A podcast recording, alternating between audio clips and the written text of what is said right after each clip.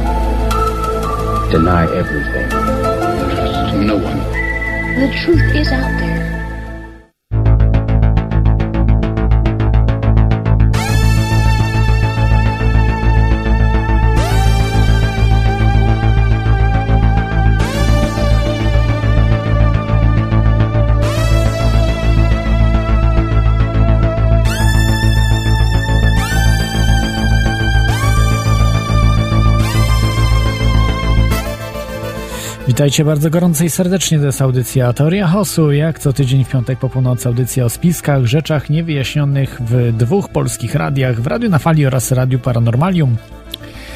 E, Dziś jest 26 czerwca, czyli początek lata, już jest. E, Większość osób uczących się ma wakacje, ale Teoria Chaosu nadaje cały rok, także w wakacje. E, Dzisiaj mamy ostatnią audycję kończącą sezon letni. I żeby już nie przedłużać, to y, pozdrawiam oczywiście wszystkich Was słuchających, y, także sponsorów. Wielkie dzięki za, za wszelkie wpłaty. Między innymi dzięki, dzięki właśnie Waszym wpłatom mogłem udać się na y, no, obrady grupy Bilderberg, próbować je po prostu no, zobaczyć z wewnątrz, jak to wszystko wygląda.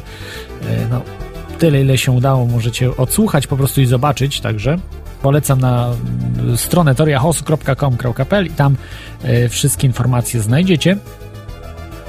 A przechodząc już do y, newsów y, dzisiejszych, to pierwszy news mam, że możemy już zabijać dziennikarzy, tak buńczucznie mówi armia amerykańska, która w tej chwili wprowadza takie, no powiedzmy, swoje różne prerogatywy, że po prostu terroryści przebierają się za dziennikarzy i dlatego teraz już można absolutnie strzelać do dziennikarzy, bo być, bo może to być terrorysta. Y, Także niestety y, widać, jak, jak te prawa faszystowskie wręcz y, po prostu no, wyglądają. Y, Kolejny news to jest nauczyciele wykrywają ekstremistycznych uczniów za pomocą oprogramowania y, firmy Impero Software no, uczniów, którzy po prostu e, myślą niezależnie, którzy zadają pytania e, i no, starają się być e, lepszymi ludźmi. I ci, ci właśnie uczniowie, którzy wybijają się ponad przeciętność, oczywiście są bardzo niebezpieczni. To są ekstremistyczni uczniowie, którzy powinni być nadzorowani. Mm. No, wyjątkowo y, paskudna sprawa, y, tak, także, y, także polecam zapoznać się z tym newsem szerzej. O tym pisał też między innymi, znaczy pisał i przedstawiał, przedstawiał telewizja, to portal medialny BBC. Skompromitowany Radek Sikorski ucieka z Polski. To jest bardzo ważny news, wbrew pozorom. Ma dołączyć do Kulczyka i Kwaśniewskiego w takim think tanku. On się nazywa Atlantic Council ma pracować i prawdopodobnie wyjedzie z całą rodziną do Stanów Zjednoczonych razem ze swoją żoną Anne Applebaum jako jedyna reprezentantka w cudzysłowie Polski. E, Była na obradach grupy Bilderberg. Na 100% była, bo złapano ją. e, Są zdjęcia z panią Anne Applebaum. Mówiłem wam, co się stanie, jeśli ra, pan Radosław Sikorski wraz ze swoją żoną i dziećmi wyjedzie z Polski. E, Co może się wydarzyć, bo to jest e, tak zazwyczaj się dzieje, że po prostu po czynach ich poznamy. Dlaczego wyjeżdżają? Przecież panu Radosławowi Sikorskiemu nic nie grozi, a mieszka w bardzo, w bardzo luksusowym dworku, ma pół wsi, można powiedzieć, mm, i, i jest bardzo zamożnym człowiekiem tutaj w Polsce. Żyje mu się świetnie wybrać wcale nie super pensję y, zagraniczną w Stanach Zjednoczonych, gdzie koszty życia są dużo, dużo wyższe i niepewność dużo większa, spadając tym samym też na dużo niższy poziom yy, społeczny, no bo umówmy się, takich Radków Sikorskich są miliony w Stanach, natomiast w Polsce był no, wiele razy był ministrem, był marszałkiem Sejmu. To jest bardzo, bardzo, no, drugi, druga, można powiedzieć, druga pozycja w Polsce. Więc coś jest na rzeczy. Czy, czy, to, to, czy wojny, załamania gospodarczego, czy czegoś zbliżonego, nie wiem, ale naprawdę musicie uważać, co się może dziać. Odsyłam do audycji wcześniejszych teorii chaosu. I ostatni news, y, pojawiły się nowe y, informacje na temat y, Andrzeja Lepera, że jednak został zamordowany. To są rewelacje pana Stonogi. Ile dawać im po prostu wiarygodności? No, trzeba bardzo uważać z panem Stonogą. Wiarygodność tej osoby nie jest jednoznaczna. O śmierci Andrzeja Lepera mówiłem już w 2011 roku, odsyłam do audycji e, w Teorii Chaosu z tamtych lat i, raczej nie będę powracał, e, bo e, myślę, że po prostu nic się nie zmieniło od tego, co tam po prostu mówiłem i chyba nikt nie pociągnął tego tematu właśnie śmierci Lepera. Jeżeli chcecie się zapoznać o prawdziwych konsekwencjach, naszych prawdziwych przyczynach, nie konsekwencjach, przyczynach śmierci Angel Pera odsyłam do e, archiwalnej audycji teorii chaosu, czyli teoriachaosu.com.pl strona i tam możecie odnaleźć e, audycję między innymi właśnie o śmierci byłego wicepremiera Andrzeja Lepera.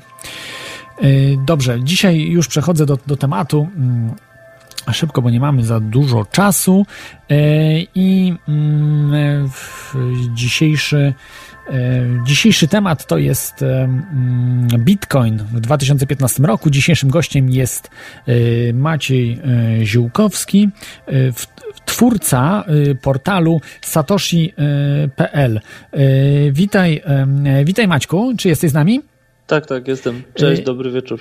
Y, witaj. E, jesteś no, największym specjalistą od Bitcoina w Polsce. To chyba y, tutaj wszyscy ze mną słuchacze i ogólnie wszyscy ludzie się zgodzą, bo występujesz także często prawda, w mediach mainstreamowych, ale i zagranicznych. E, czy mógłbyś o sobie powiedzieć tak dosłownie kilka słów właśnie o sobie, o swoim e, portalu satoshi.pl?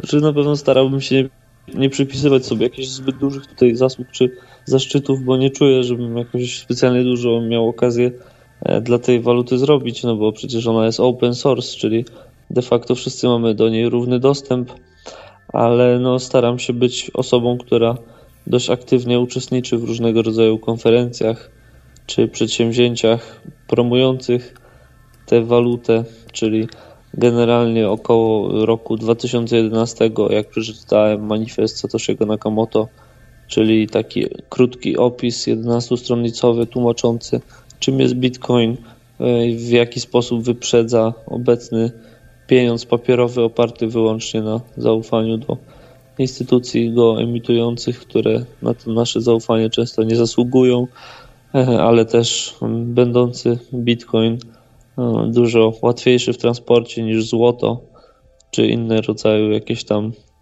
dobra, to uznałem, że na pewno warto się tym zainteresować, bo jeżeli my jako ludzie byliśmy w stanie stworzyć technologię taką właśnie, no technologię cyfrową przekazywania wartości i to taką dość w, moim zdaniem w przystępny sposób dającą się zrozumieć, no to na pewno warto się nią zainteresować.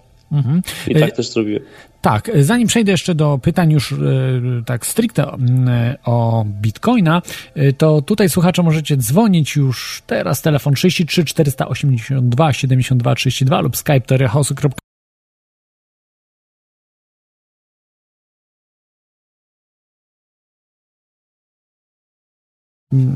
po prostu no, nie wie, czym są te wirtualne waluty i czym się różni Bitcoin od y, zwykłych fiducjarnych pieniędzy, y, właśnie tych na przykład złotówki, dolarów czy, czy, czy, czy euro?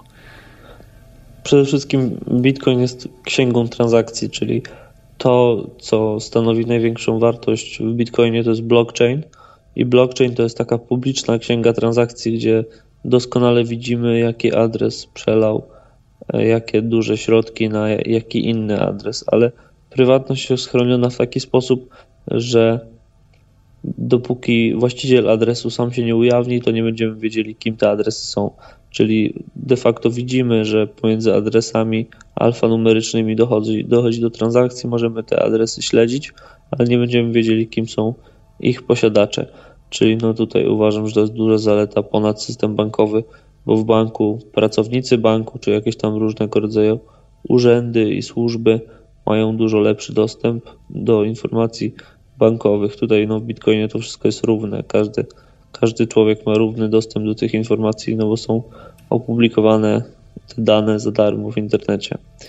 No i dlaczego lepszy? No, na pewno jest tańszy w przesyłaniu. Przykładowo no, przelew do Australii kiedyś mnie kosztował około 100 dolarów. Jakieś tam koszty operacyjne, czyli spread, czyli ta wymiana waluty plus, plus opłata za przelew, no to 100 dolarów. No moim zdaniem bardzo duże koszty. W Bitcoinie taka opłata to było kilka groszy i taki przelew by dotarł natychmiast w przeciwieństwie do przelewu bankowego, który do innego kraju to może wędrować sobie nawet kilka dni. Także uważam, że zalet jest naprawdę sporo. Mhm. E, rozumiem. E, natomiast jeśli chodzi, prawda, o bitcoina, to także, prawda, to jest taka wirtualna waluta, ale fiducjarna, czyli ona nie jest oparta, prawda, o żadne E, żadne e, jakieś wartości materialne, natomiast z tego co wiem, ona jest zablokowana, to znaczy nie można w nieskończoność ją drukować, bo tak jak wiemy, prawda, te dolary w Zimbabwe to były tam 100 trillion dollars. No tak, po prostu tak, tak. nawet tego przetłumaczyć za bardzo nie, nie mogę, nie, tak. nie, nie potrafię, bo w angielskim trochę inaczej się to, to nie jest trylion, jakaś inna liczba, ale też bardzo wielka. Tam chyba 15 zer było. I prawda, jest, jest limit tak. drukow, drukow, w cudzysłowie drukowania, prawda, bitcoina. Tak, no to do roku 2140 to będzie 21 milionów bitcoinów, czyli jakby każdy Polak chciał mieć jednego bitcoina, to dla wszystkich nie starczy. mam prawie, mogę się przyznać, że mam prawie bitcoina, więc więc będę wyjątkowy. E, natomiast, e, natomiast w tej chwili wydrukowano, no, wydrukowano, nie wiem czy tak można mówić, ale no powiedzmy, że wydobyto. Wydobyto y, tych bitcoinów y, y, połowę czy więcej już? No już ponad 14 milionów. No, czyli czyli już... ponad połowę. Po... Czyli teraz, z tego co wiem, coraz trudniej, prawda? Miningować, czyli wydobywać, produkować no tak. te, te bitcoiny, coraz trudniej. Jest taki pomysł, został przyjęty w zasadzie zaproponowany przez Satoshiego i przyjęty przez społeczność, że wraz ze wzrostem mocy obliczeniowej komputerów będzie zwiększał się parametr trudności, no i ten parametr trudności ma nas chronić przed podłączeniem się jakiejś dużej grupy osób, e, czy jakichś superkomputerów, czegoś takiego jak NASA na przykład posiada, e, czyli gdyby taka duża jakaś agencja się podłączyła do właśnie wydobycia, czyli autoryzacji transakcji w sieci Bitcoin, to ona by wcale nie była w stanie przejąć jakoś tam y, bardzo dużo tych bitcoinów, no bo trudność by się odpowiednio dostosowała, czyli jest parametr taki, który potrafi niejako samoregulować ten system, żeby on cały czas był dostosowany do aktualnych warunków. Mhm. I, I, tak czy inaczej też nie mogą, prawda, przekroczyć tej liczby magicznej 21 milionów. Tak. Y, czyli to jest po prostu y, taki ogranicznik dla tych, tych tak zwanych drukarzy, no bo y, no. no, złotówka nie ma takiego mechanizmu, może być, no. nastąpić hiperinflacja w euro, w złotówce. Przecież pamiętam, ja nie pamiętam, ale jest to opisane w latach 30. w Niemczech, to po prostu taka była hiperinflacja, że w trakcie obiadu, jak, jak w restauracji się jadło, że płaciło się wcześniej, bo już po prostu zmieniała się cena w trakcie jedzenia więc, więc e, te, takie, przepraszam, takie absurdy były, e, nasze absurdalne, e, Monty Pythonowskie wydarzenia, które miały realne, po prostu swój, no, realnie istniały. To samo w, Zimbabwe, w Zimbabwe to przecież jeszcze kilka lat temu dosłownie, prawda? Ludzie w, w, wózkami przywozili pieniądze, przepraszam, żeby, żeby coś kupić. Te, te dolary zimbabwańskie Tak. kompletnie straciły na wartości. I wiem, No kole, kolega mój był właśnie w Zimbabwe, opowiadał mi, e, ja- jak to było, że e, tam praktycznie wszystko za dolary było. Za dolary amerykańskie oczywiście, bo waluta i, i e, za waluty ościenne. Chyba mm, ościennym krajem jest Botswana, o chyba do Zimbabwe i tam właśnie używano waluty z Botswany, z waluty, no dolar amerykański był bardzo, bardzo szanowany i do dzisiaj jest. E, Także, także bardzo można zobaczyć, jak, jak potrafi umrzeć w, w, waluta, prawda? Taka e, regulowana przez rząd niby. No tak. Więc. A nie mamy gwarancji, że dolar, prawda, czy złotówka nie, nie, coś tym bankom centralnym nie strzeli do głowy, żeby ratować, że zrobią tą nam taką hiperinflację lub taką megainflację, która, No, która niestety mamy coś przeciwnego, że każda waluta papierowa w dłuższym czasie de facto dąży do zera. Tak, z historii wiemy, że wszystkie te waluty papierowe, jeżeli odpowiednio długo poczekamy, no to one są generalnie no niestety nic nie warte. Ja byłem dopiero tak naprawdę wczoraj w nocy wróciłem z Mińska, z Białorusi, no to tam za obiad dla dwóch osób zapłaciliśmy na przykład pół miliona rubli białoruskich, czyli około 100 zł. Można jakiś tam soczek sobie kupić, taki mały soczek w kartoniku za 4000 rubli, czyli za okolice zł- złotówki, tak. No to generalnie no, można tam się domyślić, ta inflacja, no 30%, może nawet trochę więcej niż 30%, bo w takich okolicach właśnie między 25 a 30% to depozyty bankowe są e, na rubla białoruskiego, także no tam ta inflacja jest delikatnie mówiąc galopująca. Jasne. Y, Tutaj mam informację, że wartość w tej chwili mniej więcej bitcoina to jest około 240 dolarów. Y, Czy, Tak. się, czy się nie mylę? Y, Tak. I pamiętam, jak była ponad 1000, y, chyba dwa lata temu, czy No tak. jakoś tak, że, że to jednak fluktuuje mocno ta waluta. No tak, no bo tutaj mamy do czynienia de facto z wolnym rynkiem, który nie jest jakoś specjalnie regulowany, bo nie słyszy się zbyt dużo o e, żadnych ani sankcjach, ani regulacjach na tym rynku, czyli no e, jest w jakiś tam sposób stety czy niestety też podatny na spekulacje, czyli jeżeli jakaś osoba posiadająca duże ilości gotówki postanowi troszeczkę się pobawić, czyli dużo kupić, dużo sprzedać, no to te cena tych bitcoinów gdzieś tam troszeczkę poszybuje do góry, troszeczkę w dół. No, na pewno ktoś, kto ma jakieś tam, cieszy się jakimś zaufaniem społecznym, czy jest jakąś organizacją, czy dużą firmą, może bazując na tej swojej pozycji próbować tym kursem jakoś tam manipulować, chociażby wydając różne tam komunikaty, na przykład sprzeczne do swojej decyzji. Na giełdzie takiej e, papierów wartościowych takie zagrywki mogły być nielegalne, no ale tu, tutaj Bitcoin to jest rynek nieregulowany, więc tak naprawdę hulaj dusza. Można niemalże wszystkie pomysły realizować. No, jest to w sumie ciekawe o tyle, że też sam Bitcoin można nazwać eksperymentem, ale ja uważam, że to jest eksperyment, który się udał i po prostu fajnie jest wziąć w takim pozytywnym eksperymencie też udział. Mhm. Jasne. Y, tutaj y, mam takie pytanie o po prostu, bo to wiąże się jednak z tym naszym wcześniejszym, znaczy z wcześniejszym pytaniem o y, y, właśnie y, wartość bitcoina, bo tak naprawdę wartość danej waluty kształtuje podaż i popyt. Jeżeli Tak. y, potrzebujemy wykorzystywać jakąś walutę, no to wiadomo, że y, popyt na nią będzie większy i jej cena relatywnie będzie wzrastała. Więc co możemy za tego bitcoina kupić dziś? Na przykład, no nie wiem, y, większość sklepów jednak nie, nie, nie przyjmuje, czy internetowych nawet firm nie przyjmuje po prostu bitcoina. No, myślę, że jeszcze, jeszcze, jeszcze tego nie robią. Mam nadzieję i jestem pozytywnie nastawiony, że w przyszłości będą akceptować. E, Trzeba podkreślić, że jest taka mapa, która się nazywa coinmap.org, taka strona. Tam mamy wypisane kilka tysięcy punktów przyjmujących bitcoiny na całym świecie. Są to kawiarnie, restauracje, hotele, punkty usługowe, różnego rodzaju sklepy. Także no, w Warszawie można swobodnie zamówić taksówkę, zapłacić bitcoinami, za taksówkę, pojechać do restauracji, później pojechać do jakiegoś hotelu i to wszystko oczywiście cały czas płacąc bitcoinami, e, pojechać też do antykwariatu, e, naprawić komputer, czy tam do jakiegoś mechanika, czy, czy też elektryka i to wszystko opłacać bitcoinami. Także zaryzykowałbym stwierdzenie, że można by spróbować nawet tydzień w Warszawie, czy, czy w Polsce ogólnie przeżyć. Płacąc samym bitcoinem, myślę, że udałoby się przeżyć. A sklepy, no oprócz restauracji na przykład spożywcze, jakieś przyjmują? Żeby chleb kupić? Myślę, że w skali, w skali świata na pewno jakiś mhm. tam by się udało znaleźć sklep.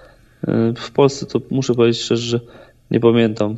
Nie, nie kojarzę zbytnio za bardzo żadnego sklepu spożywczego, no ale no, jakieś tam restauracje e, powiedzmy w mniejszych miejscowościach, czy takie bardziej alternatywne, no to czasami mają te produkty w dobrej cenie, więc można by się stołować w takiej restauracji, myślę.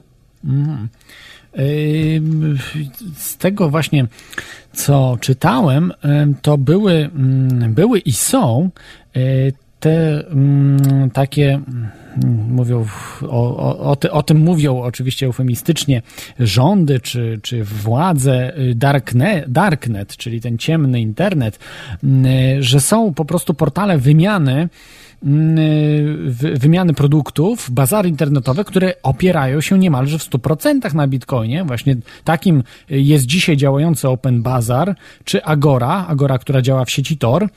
Y, tam można kupić różne rzeczy, także nielegalne, ale takim najbardziej znanym, który niestety został zamknięty, już jakiś czas temu był y, Silk Road. I no tak. czy właśnie nie jest tak, że ten i Open Bazar, Agora i inne e, tego typu y, bazary internetowe nie, mm, nie będą y, obiektem ataków ze strony rządów różnych, no przede wszystkim amerykańskiego, który jest najsilniejszym rządem na świecie mhm. i państwem. Czy, czy właśnie to nie spowoduje jeszcze obniżki y, bitcoina, bo przecież jeżeli tych bazarów byłoby więcej i one by się rozrastały, to bitcoin na pewno by wzrastał, jego wartość by wzrastała, ale ten atak na Silk Road, który, który obserwowaliśmy i mm, jeszcze wrócimy do tej sprawy dzisiaj, mm, to to mm, nie wiem, tak mi się wydaje, tak jak ja to obserwuję, że to mogło spowodować też jednak, y, prawda, zniżkę y, bitcoina w stosunku do, do walut tych, tych takich y, no, państwowych. Znaczy, no, na pewno trzeba podkreślić e, taką sprawę, że na tych e, bazarach internetowych no tak naprawdę nikt nie sprawuje za bardzo kontroli nad tym, co tam można sprzedać, co nie można. Także idea, która przyświeca twórcom tych, tych, tych instytucji czy tych sklepików, e, jest taka, że no, dobrze by było sprzedawać e, takie rzeczy, które nie powodują ofiar. To tak libertariańsko, z libertariańskiego punktu widzenia, tak?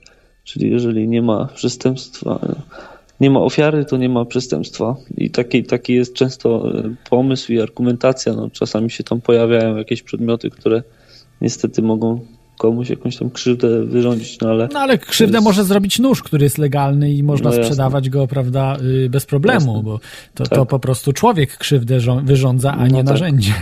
Jak najbardziej.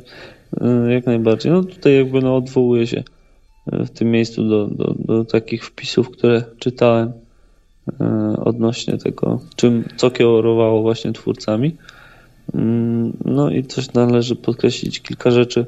Przede wszystkim to, że jeszcze nie mamy jako społeczność bitcoinowa opracowanej w 100% skutecznej technologii, która by pozwalała no, w jakiś bezpieczny sposób e, się wymieniać produktami, typu chociażby nawet książki czy ubrania E, przy użyciu Bitcoina e, tak zupełnie anonimowo. No, Open Bazaar już co prawda istnieje, ale tam on ma jakieś tam drobne jeszcze mankamenty techniczne, chociażby mhm. E, dość skomplikowana instalacja, czy jeszcze ten system escrow moim zdaniem nie jest też tam tak w 100% działający. No oczywiście można tam kupić sobie, nie wiem, no, na, na, na przykład no, no, załóżmy książkę, tak, jakąś można zakupić, jak najbardziej. E, tylko no tutaj mechanizm taki bliski ideału.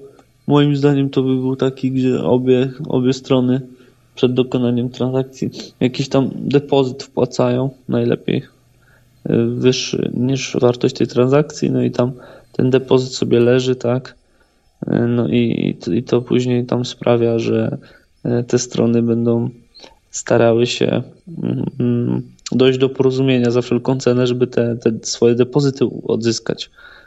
Więc no, można mieć nadzieję, że jeżeli wpłacają na początku depozyt, który jest dużo większy niż sama transakcja, no to ta transakcja powinna być w interesie obu stron, żeby doszła do skutku i żeby obie były zadowolone.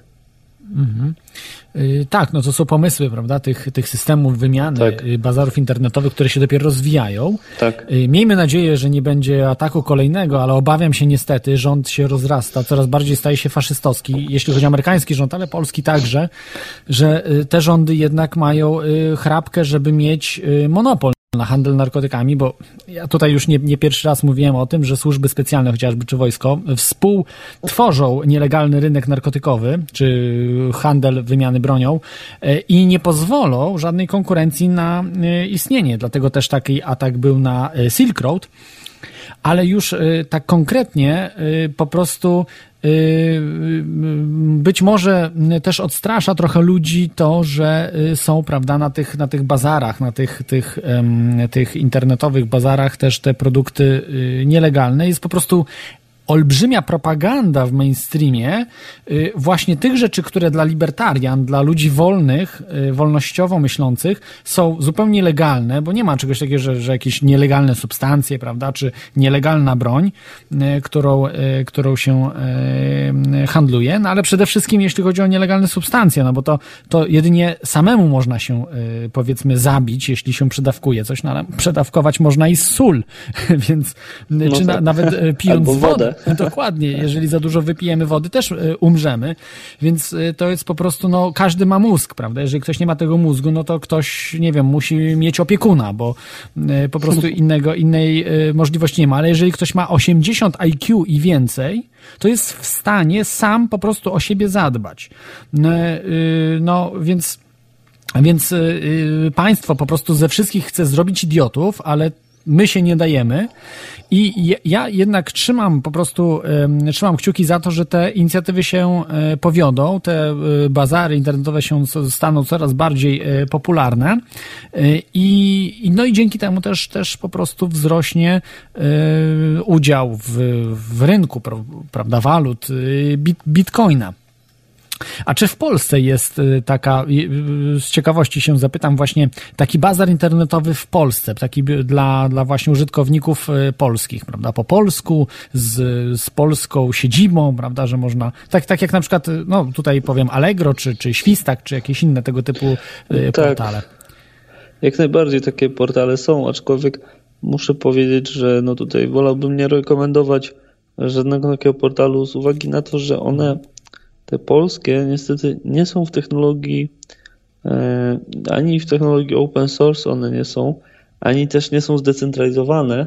Także istnieje ryzyko, że jak wymówię te nazwy, to później po jakimś czasie one po prostu albo zostaną zniszczone, albo e, znikną i jak ktoś będzie za, za parę miesięcy czy za jakiś dłuższy okres odsłuchiwał tej audycji, to, to stwierdzi, że to już nie istnieje. Także mhm. wolałbym tutaj po prostu powiedzieć, że Open Bazaar to jest taki trochę ultimate solution, czyli... E, Ogólnoświatowy, prawda? Taki, tak, myślę, że... Mhm, no mi się bardziej podoba z, naz z, z, nazwy Agora mi się tak. podoba, bo sam jestem agorystą, e, czyli tak. libertarianinem takim No ale ona też z tego co wiem niestety chyba nie jest zdecentralizowana.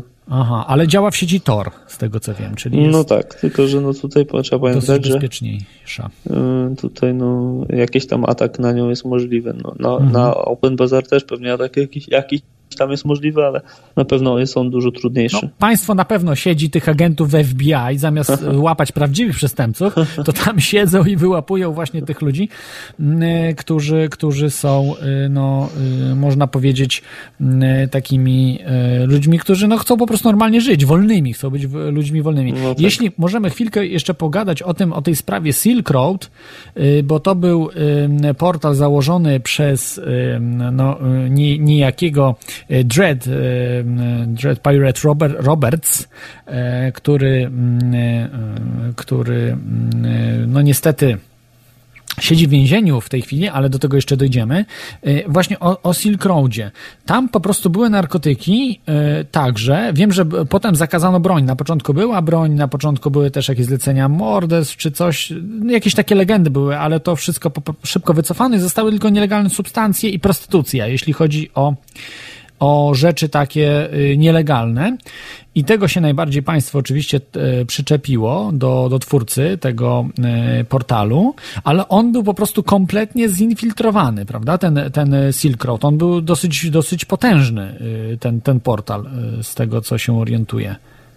No tak, no przede wszystkim dobra i dość głośna nazwa, także no dużo osób tam chociażby z czystej ciekawości zaglądało, no ale warto podkreślić, że tam też cała masa zupełnie legalnych rzeczy była sprzedawanych, Mhm. czyli jakichś tam e, e-booków, czy, czy jakichś poradników, czy, czy różnych tam przedmiotów takich Codziennego użytku, prawda? I- Dokładnie, jak najbardziej. Tylko po prostu chodziło o to, że e, czasami w jakimś tam kraju dany przedmiot jest obciążony jakimś tam podatkiem albo jest na przykład trudno dostępny, no to wtedy prościej jest po prostu e, zamiast wypełniać jakieś tam kilkanaście formularzy albo rejestrować się gdzieś tam na jakichś dziwnych sy- systemach, to prościej kupić z zagranicy coś niż gdzieś tam szukać niepotrzebnie. Mhm. Stąd też popularność pewnie Silk Roadu. No, szkoda właśnie, że tak się to skończyło, że FBI e, zniszczyło ten cał, tą całą inicjatywę e, tego handlu. E, No FBI z całym po prostu, no, powiedzmy, aparatem państwowym Stanów Zjednoczonych zaaresztowano twórcę, który się nazywa Ross Ulbricht. No, genialny. Ja uważam, że człowiek, który robi tego typu rzeczy, on był informatykiem, ale no, trzeba to powiedzieć, no, człowiekiem, który jest niesamowicie uzdolnionym młodym, w tej chwili ma 29 lat, a to założył chyba w wieku dwudziestu kilku, czterech chyba lat. Pięć, to było chyba pięć lat temu, jeśli dobrze pamiętam, ale mogę się mylić. E, I mm, złapano go na, na zasadzie właśnie e, no takiej, że po prostu nie wyjechał. e, Nie wyjechał ze Stanów Zjednoczonych, tylko był. Cały czas No mieszkał tak. na terenie Stanów No, Zjednoczonych. Powiedziałbym, że troszeczkę dość kuriozalna decyzja taka. odważna, trzeba przyznać. Tak. I W oku Saurona. Myślę po prostu pewnie, że go nie złapią, ale niestety przeliczył się, że jednak udało się e, służbom złapać go. I e, e, z tego co słyszałem, on zebrał sumę około 100 milionów dolarów, żeby to tak w dolarach podać, e, prawda, e, w, w bitcoinach e, za po prostu pośredniczenie w transakcji, czyli tak, tak zwanych no, opłat, czy, czy też no, transakcyjnych. Prowizji transakcyjnych, tak, e, prowizji, które, które ludzie, ludzie płacili, zresztą z chęcią. I i y, mam tutaj dwa pytania o to. Pierwsze pytanie, takie y, ciekawskie trochę, co się stało z tymi pieniędzmi, bo z tego co wiem, FBI Tak. mu po prostu te pieniądze z- ukradło, po prostu zabrało. No tak, za- zabrali, 100 milionów skonfiskowali, a następnie sprzedali w kilku tam chyba dwóch albo trzech aukcjach. Normalnie sprzedali na wolnym rynku za dolary. W aukcjach. I, i tak, i czyli, ale to y, uzyskali po prostu mm, te y, y, odkodowali po prostu te bitcoiny. Znaczy nie, to- Ross, ten twórca Silk Roadu, no po prostu pod wpływem jakiejś tam siły perswazji z ich strony podał im klucze prywatne. No Oj. i oni po prostu, będąc dysponentem tych kluczy, byli w stanie sprzedać te bitcoiny. A, czyli tak go załatwili.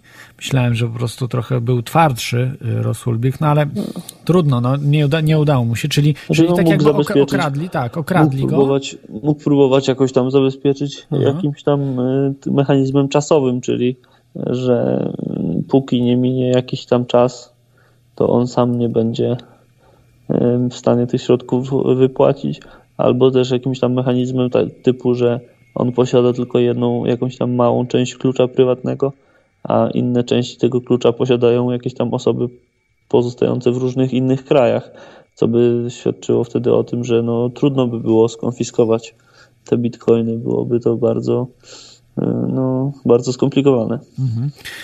Więc, więc niestety to im się udało. I niestety udało się też, bo zapewne słyszałeś, prawda, o wyroku, że dostał dożywocie no tak.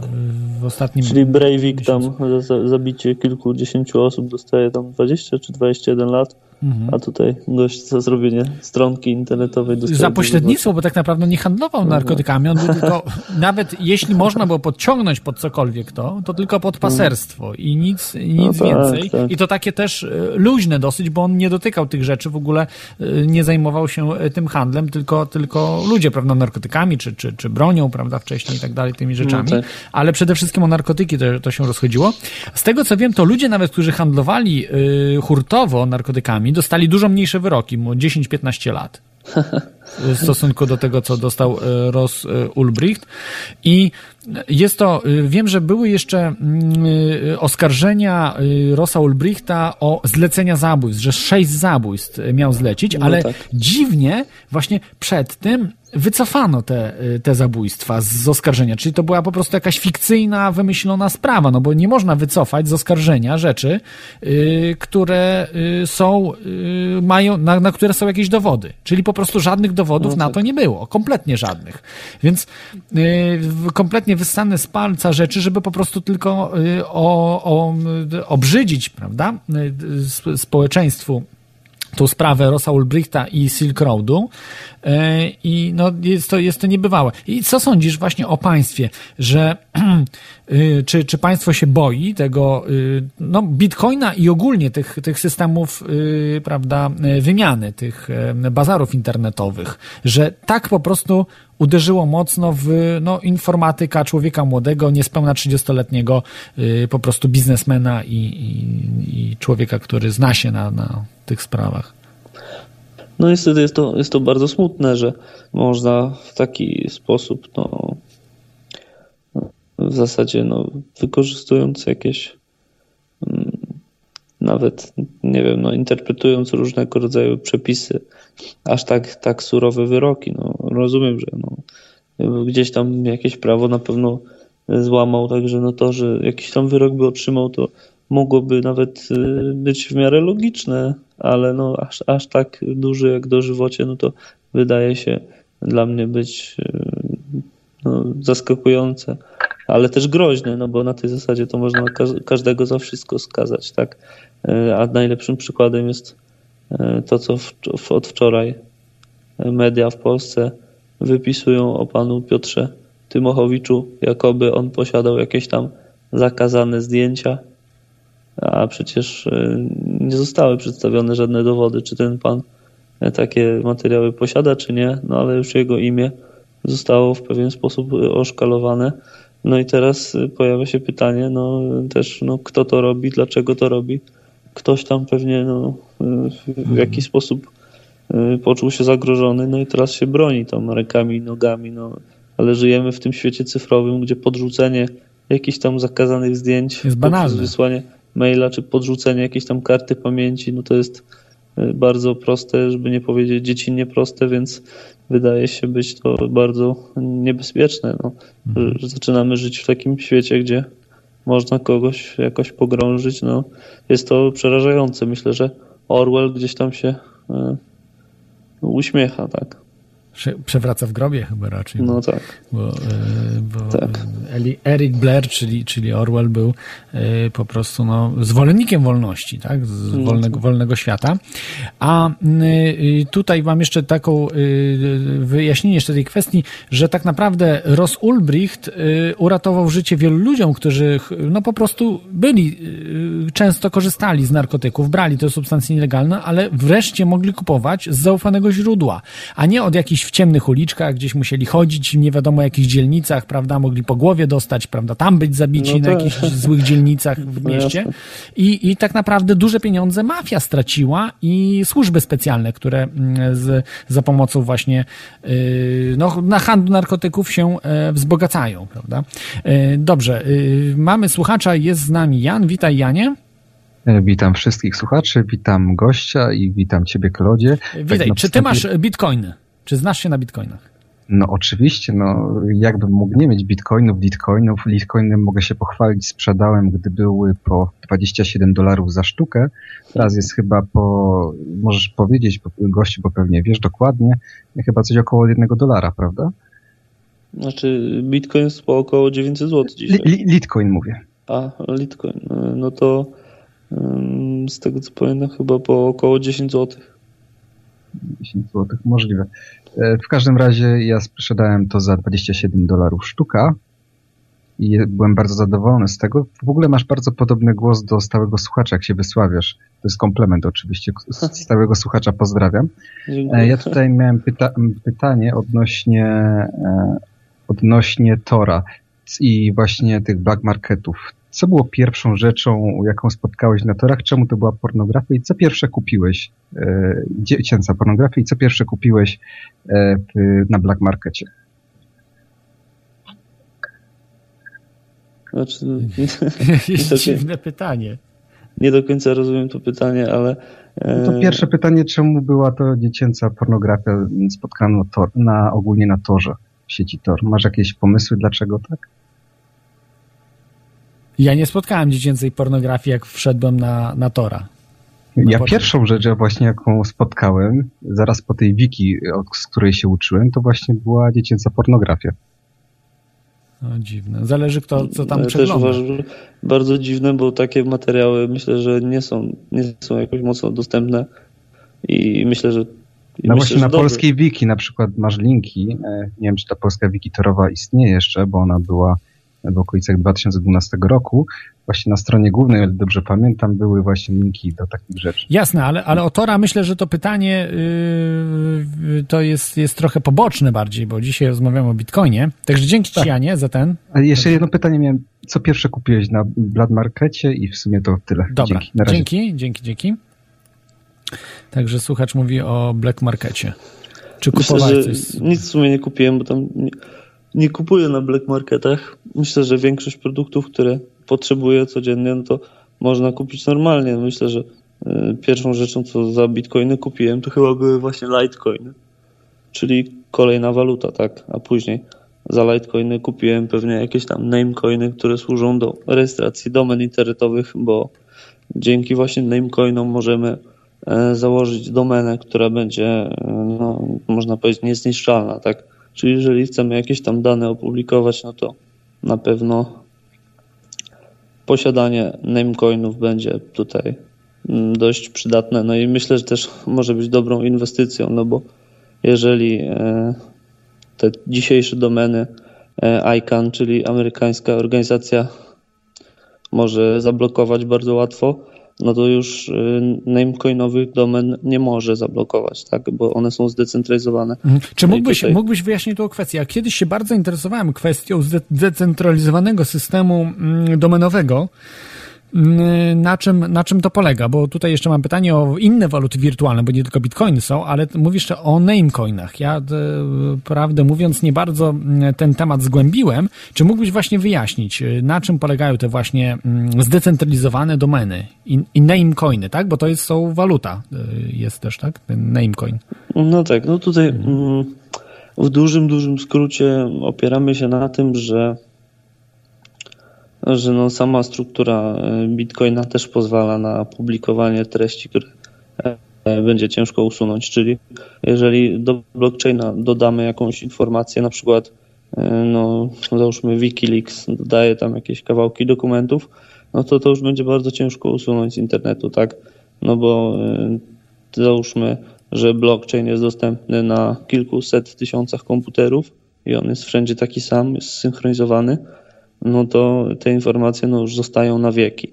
I teraz jeżeli to przełożymy na stworzenie całej strony internetowej, która też będzie na setkach, tysiącach czy tam milionach komputerów, no to też tego się nie da usunąć. No, co można by e, tak publikować, na przykład konstytucję, tak? No, pewnie za parę lat czy tam parę set lat część ludzi może będzie chciała próbować usunąć konstytucję z internetu, żeby zrobić ją przed nową, lepszą, słuszniejszą, a tamta stara miałaby na przykład odejść w niepamięć, no to tutaj y, właśnie Namecoin może sprawić, że e, ta konstytucja już na zawsze gdzieś tam pozostanie i będzie można się odwoływać i zobaczyć, jakie miała ona brzmienie, żeby Aha. tutaj walczyć z czymś takim jak na przykład szkalowanie ludzi, e, z czym niestety mamy do czynienia w Polsce przez media. E, Rozumiem. Czyli chodzi o to, że we fragmencie tym Namecoin działa na zasadzie, że te fragmenty po prostu odnoszą się do y, y, fragmentów strony internetowej, czy tak za bardzo nie łapie? Znaczy chodzi o to, że mamy mm, pewną informację, która jest rozproszona, czyli Mhm, tak. mamy jak- jakieś tam mm, no, dane, tak, no bo czym jest strona internetowa? No, to są dane, tak, no i czy te, czy te dane będą ro- rozproszone, ale też opublikowane w formie blockchaina, czyli w formie tej bazy danych, czy też w formie strony internetowej, no to w zasadzie na jedno wychodzi, no bo można by powiedzieć, że kawałek blockchaina to też jest jakaś tam strona internetowa, tak? No i przy użyciu po prostu tej technologii można publikować różne informacje. Y, No ale strony internetowe to są dosyć duże ilości danych, to po prostu i tak No trzeba tak. jakoś to y, znajdować, prawda, po domenach, więc nieco nie, no po prostu Znaczy, no to jest rozproszony y, Namecoin, no to jest generalnie rozproszony system DNS, tak? rozproszony system DNS, rozumiem, czyli tak, to jest y, nie, nie wymagający, prawda, bo są tylko numery IP, a nie ma, prawda, y, domen jak, jako takich, które mogą zostać wyłączone. Natomiast y, DNS-y nie mogą zostać wyłączone, więc to jest, to jest duży, y, duży plus tego. Więc, więc teraz, teraz tak, rozumiem. Bar, bardzo ciekawa idea i myślę, że to, to się y, rozpopularyzuje. I to też jest jakby na zasadzie waluty, tak? Czyli po prostu się kupuje za to, jakby Tak. miejsce, prawda, w tym namecoinie. No kupujemy, no bo tutaj chodzi o to, że kupujemy jednostkę, no i za tą jednostkę dopiero rejestrujemy domenę. No, czyli tutaj no de facto nie będzie to Bitcoin tą jednostką, tylko Namecoin. Więc trzeba będzie właśnie no, dokonać zakupu, tak. No tak, za bitcoiny, prawda, czy, czy litecoiny. A Tak. ja- jak się maj, mają jeszcze te inne waluty konkurencyjne do bitcoina, prawda, bo te inne, light, litecoina też ja mam, yy, ale yy, właśnie są jeszcze inne, tak? Wiem, że Chińczycy mają swoją jakąś walutę. Ja- Jak jest z No. ich popularnością, prawda? O Znaczy tych- popularność na pewno ogólnie wszystkich cyfrowych walut rośnie. Cały czas jest coraz większa grupa osób jest zainteresowana, żeby to, to było popularne, no bo to jest no, na pewno jest to jakiś tam duży wynalazek. Nawet spotkałem się z takimi stwierdzeniami, że wynalazek na miarę samego internetu, także popularność rośnie. No ja nie chciałbym tu wskazywać jakichś tam konkretnych walut właśnie poza, poza Bitcoinem, Litecoinem czy e, Namecoinem. Jest dużo tam tych małych, takich niszowych projektów, ale nie chcę tam artykułować tych nazw, żeby po prostu e, nie reklamować, bo często są to jakieś tam waluty, które no dzisiaj, dzisiaj są, no, mają wyższy kurs, jutro będą miały niższy, także też no nie chcę jakoś tam doradzać specjalnie inwestycyjnie, żeby nasi słuchacze tutaj e, no, jakoś nie stracili. No, myślę, że na Bitcoinie w dużej skali czasowej się długoterminowo nie straci, także no, myślę, że warto mieć tam jednego Bitcoina albo jakiś kawałek Bitcoina. Myślę, że warto mieć. Szczególnie, że tego po prostu będzie coraz mniej. I te, i te waluty, prawda, inne komplementarne do y, Bitcoina, jak ten Litecoin czy, czy, czy inne, to też są, prawda, ograniczone, czy są jakieś nieograniczone waluty? y, Właśnie tym, tą górną granicą produkcji, prawda, tych, y, tak, tak jak Bitcoin, że ma 21 milionów i nie więcej. Znaczy, z tego co się orientuję, tam co, najmniej jedna taka waluta jest, która właśnie będzie miała nie- nieograniczoną e, podaż, no ale nie, nie spodziewałbym się specjalnego sukcesu, no bo przecież można To będzie. jest niebezpieczne bardzo, prawda? Tam, no, jest no tak jak waluta fiducjalna, będzie można Dokładnie. bez końca drukować. drukować i, i będzie się cena zmieniała, prawda, w trakcie jedzenia w restauracji, że trzeba będzie powiedzieć to. No czyli będzie de facto dążyła do zera. Tak, jej, jej wartość, tak, dokładnie. Tak. I to może, to może grozić nam, więc y, tak naprawdę dzisiaj jeszcze te ceny są niskie walut wirtualnych, ale jak przyjdzie co do czego, a widzimy po Grecji, że krach jest już po prostu widoczny, ktoś, kto nie widzi krachu ogólnego, to jest po prostu ślepcem. Y, I, I wtedy tylko i wyłącznie waluty, których rządy nie będą mogły kontrolować i dodrukowywać, będą y, liczyły się. Więc, więc na pewno te wi- wirtualne waluty y, będą miały znaczenie. No tak. E, a jak jest z rządami na dziś właśnie z, z Bitcoinem i innymi wirtualnymi walutami, ale przede wszystkim Bitcoinem? Bo znalazłem informację w, w internecie, że y, wiele krajów po prostu zdelegalizowało Bitcoina, na przykład Bangladesz. Ja wiem, że to trochę śmieszne te kraje, prawda? No bo jeden z najbiedniejszych krajów świata, że interesuje się tak Bitcoinem, że zdelegalizował go. W Bangladeszu średnia pensja, nie wiem, to jest, to jest kilkanaście dolarów y, miesięcznie, coś po prostu to jest jeden z najbiedniejszych krajów świata, Bangladesz, ale Boliwia, Ekwador, które też nie należą do bogatych krajów, Kirgistan, e, Rosja i Wietnam. Te kraje zdelegalizowały bitcoina, a też Indonezja. E, czy, czy to jest prawda, że, że tam Znaczy, jest to no- nielegalne? No tak, no jest to prawda. No po prostu ktoś tam będący u władzy uznał, że ludzie nie powinni być wolni, nie powinni mieć wolnej waluty, więc y, z ich punktu widzenia prościej jest zakazać. Zrobić tak, żeby no, obywatele byli niejako zmuszeni korzystać z tych walut przez nich kreowanych. No i, i, i tyle. No, takie kraje najbardziej wolnościowe, jak, jak na przykład Szwajcaria, to uznają zazwyczaj bitcoina za walutę i właśnie to się stało. Kilka dni temu w Szwajcarii bitcoin został oficjalnie zwolniony z VAT-u, uznany za walutę. No i tutaj też e, chciałbym dodać, że e, dzięki uprzejmości firmy Bitcurex mam 15 takich e, kodów upominkowych, mogę rozdać dla słuchaczy. Tutaj nie wiem, czy, czy w komentarzach pod audycją będą mogły się na przykład osoby zgłosić i ja będę mógł te kody wysłać na przykład mailem, to będą takie upominki o wartości po 10 zł każdy. Także myślę, że warto. Super. Jak już audycja zostanie opublikowana, tam później to warto się odezwać. Jasne, ale Ja to może jakieś, wysłać. jakieś pytanie czy coś? tak, takie, nie wiem, czy... Znaczy, no, myślę, że no, chyba naj, najprościej zrobić, kto pierwszy, ten lepszy. Po prostu Mhm. na, dla, na 15 pierwszych komentarzy pod audycją od firmy Bitcurex wyślemy. Jasne. To, to może po, po, upominki. po, prostu y, polecam maile może y, lub y, teoriachaosu.com, czyli infomałpa.teoriachaosu.com i napiszcie, jeżeli chcecie właśnie dostać to pi- pierwszych 10, tak? No, zróbmy 15. 15. 15 aż. Tak. Y, Super, super, dziękuję za, za ten prezent, no, dla słuchaczy oczywiście. I to są w formie bitcoinów, prawda? Te, te No tak, no prezenty. tutaj y, po rozmowach właśnie z Bitcurexem mm, udało mi się takie, takie kupony otrzymać Mhm. dla nowych użytkowników, żeby mogli się zapoznać, jak to wszystko działa, jak to funkcjonuje. E, Tak. No bo nie ma lepszej metody poznania tego systemu niż posiadać chociaż jakąś małą część bitcoinów i e, samemu zobaczyć, e, jak jak ten system e, działa i jak to się wszystko wysyła, żeby się, się z tym zapoznać. Tak, także jest dla zainteresowanych, jeżeli chcecie pierwsze 15 maili po prostu, które napiszą, że chcą otrzymać, bo może nie każdy chce. Są tacy, co nie lubią Bitcoina, być może też. Więc wszyscy ci, którzy lubicie, wyślijcie infomałpatoriachaosu.com lub też ze strony. Można po prostu wysłać maila bezpośrednio ze strony, chyba najszybciej nawet, niż, niż y, samemu przez te serwery, żeby przechodziło, więc, więc po prostu, y, po prostu ślijcie. Yy, Także jeszcze raz wielkie dzięki. Dobrze, yy, to jeszcze yy, na koniec, bo, bo, już będziemy kończyli, prawda? Jesteś, słyszę, że zmęczony dosyć. No po, po tej podróży z Mińska też troszeczkę jeszcze nie A, odespałem. byłeś w Mińsku, tak? W Mińsku Tak, tym tak. białoruskim, Tak, czyli w stolicy Białorusi. dokładnie tak. O kurczę, to, to takie pytanie jeszcze, yy, bo to jest ciekawa sprawa, mało kto jeździ do Mińska. Jak, jak, jak tam było? Bo, yy, czy, czy yy, to były dyskusje o Bitcoinie?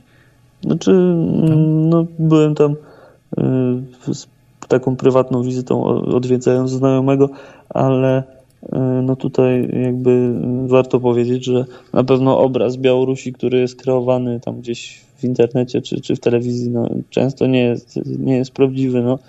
Y, Czyli mm, jest tam dużo czyściej i bezpieczniej pod takim względem, że no, na przykład myślę, że w Warszawie jest dużo jakichś tam więcej niebezpieczeństw, czy, czy, czy po prostu y, papierków i butelek na ulicach, czyli tam pod tym takim względem optycznym jest y, bezpieczniej moim zdaniem i, i, i, lepiej, no, ale no, czy, czy ludziom żyje się tam lepiej, no trudno powiedzieć, no, na pewno ludziom, którzy tam prowadzą jakieś biznesy, no to pe- pewnie y, jeżeli oczywiście te biznesy mają błogosławieństwo tamtejszego rządu, to pewnie jest ok, no, jeżeli tam ktoś jest w opozycji, no to pewnie, pewnie już tak mu dobrze się nie wiedzie, ale ogólnie no, moja ocena jest pozytywna, czyli myślę, że Mhm. warto zajrzeć na Białoruś i zobaczyć, jak tam ten świat wygląda. Myślę, że jest on przystępny i, i warto zobaczyć go samemu. No i także nowoczesny, bo jest ta firma Wargaming, która zrobiła tak, tak. World of Tanks i World Tak. of tam Airplanes i, i ty, ty, tych innych e, wojskowych różny, różnych spraw. Są bardzo zaawansowane systemy, gry. E, jeden chyba z najpopularniejszych gier MM, MM, MMO na Tak. świecie i, i to, są, to są już, e, można powiedzieć, no, setki milionów dolarów warty, warty rynek, czy nawet już może, może miliardy, e, jeśli chodzi o ten cały przemysł komputerowy. Także to naprawdę tam są też bardzo zaawansowane technologie e, rozwijane, prawda, na, na Białorusi, że to kojarzy się z takim krajem rolniczym, takim prymitywnym, No a to nie jest, nie jest prawda, co nam po prostu tutaj propaganda po prostu sieje. Dokładnie tak. I, I tutaj jeszcze o, o Polskę chciałem zapytać, jak Polska ma się do, do Bitcoina? Czy po prostu atakuje tego Bitcoina, próbuje zniszczyć, czy po prostu neutralnie podchodzi? Bo no nie sądzę, żeby wspomagała po prostu tą, tą inicjatywę. Znaczy, no, zaryzykowałbym takie stwierdzenie, że jesteśmy jednym e, z dziesięciu czy tam kilkunastu krajów najprężniej rozwijających się w Bitcoinie. No tutaj przypuszczam, że jakieś tradycje w narodzie cinkciarstwa, czyli takiej wymiany ulicznej walut gdzieś tam jeszcze są cały czas żywe, mimo że od komuny upadku minęło już ponad 25 lat, no to jednak no, jakoś tam gdzieś y, myślę, że we krwi mamy coś takiego jak chęć wymiany tej waluty. No i też myślę, że jako Polacy nie boimy się nowości, lubimy technologię. No i za tym wszystkim idzie to, że Bitcoin jest y, dość mocno u nas popularny. Jesteśmy w grupie krajów, gdzie użycie bitcoinów jest całkiem spore. Mhm. A y, jak się ma y, po prostu zainteresowanie Bitcoinem zwykłych ludzi, także mediów y, w, w tym roku w stosunku do lat ubiegłych? 2013, 2012 czy też y, 2014 przede wszystkim? Myślę, że rośnie to zainteresowanie. No na pewno tutaj takim dość e, wyznacznikiem oczywistym będzie cena. No jeżeli e, ten bitcoin będzie droższy, no to pewnie też więcej osób się będzie nim interesować.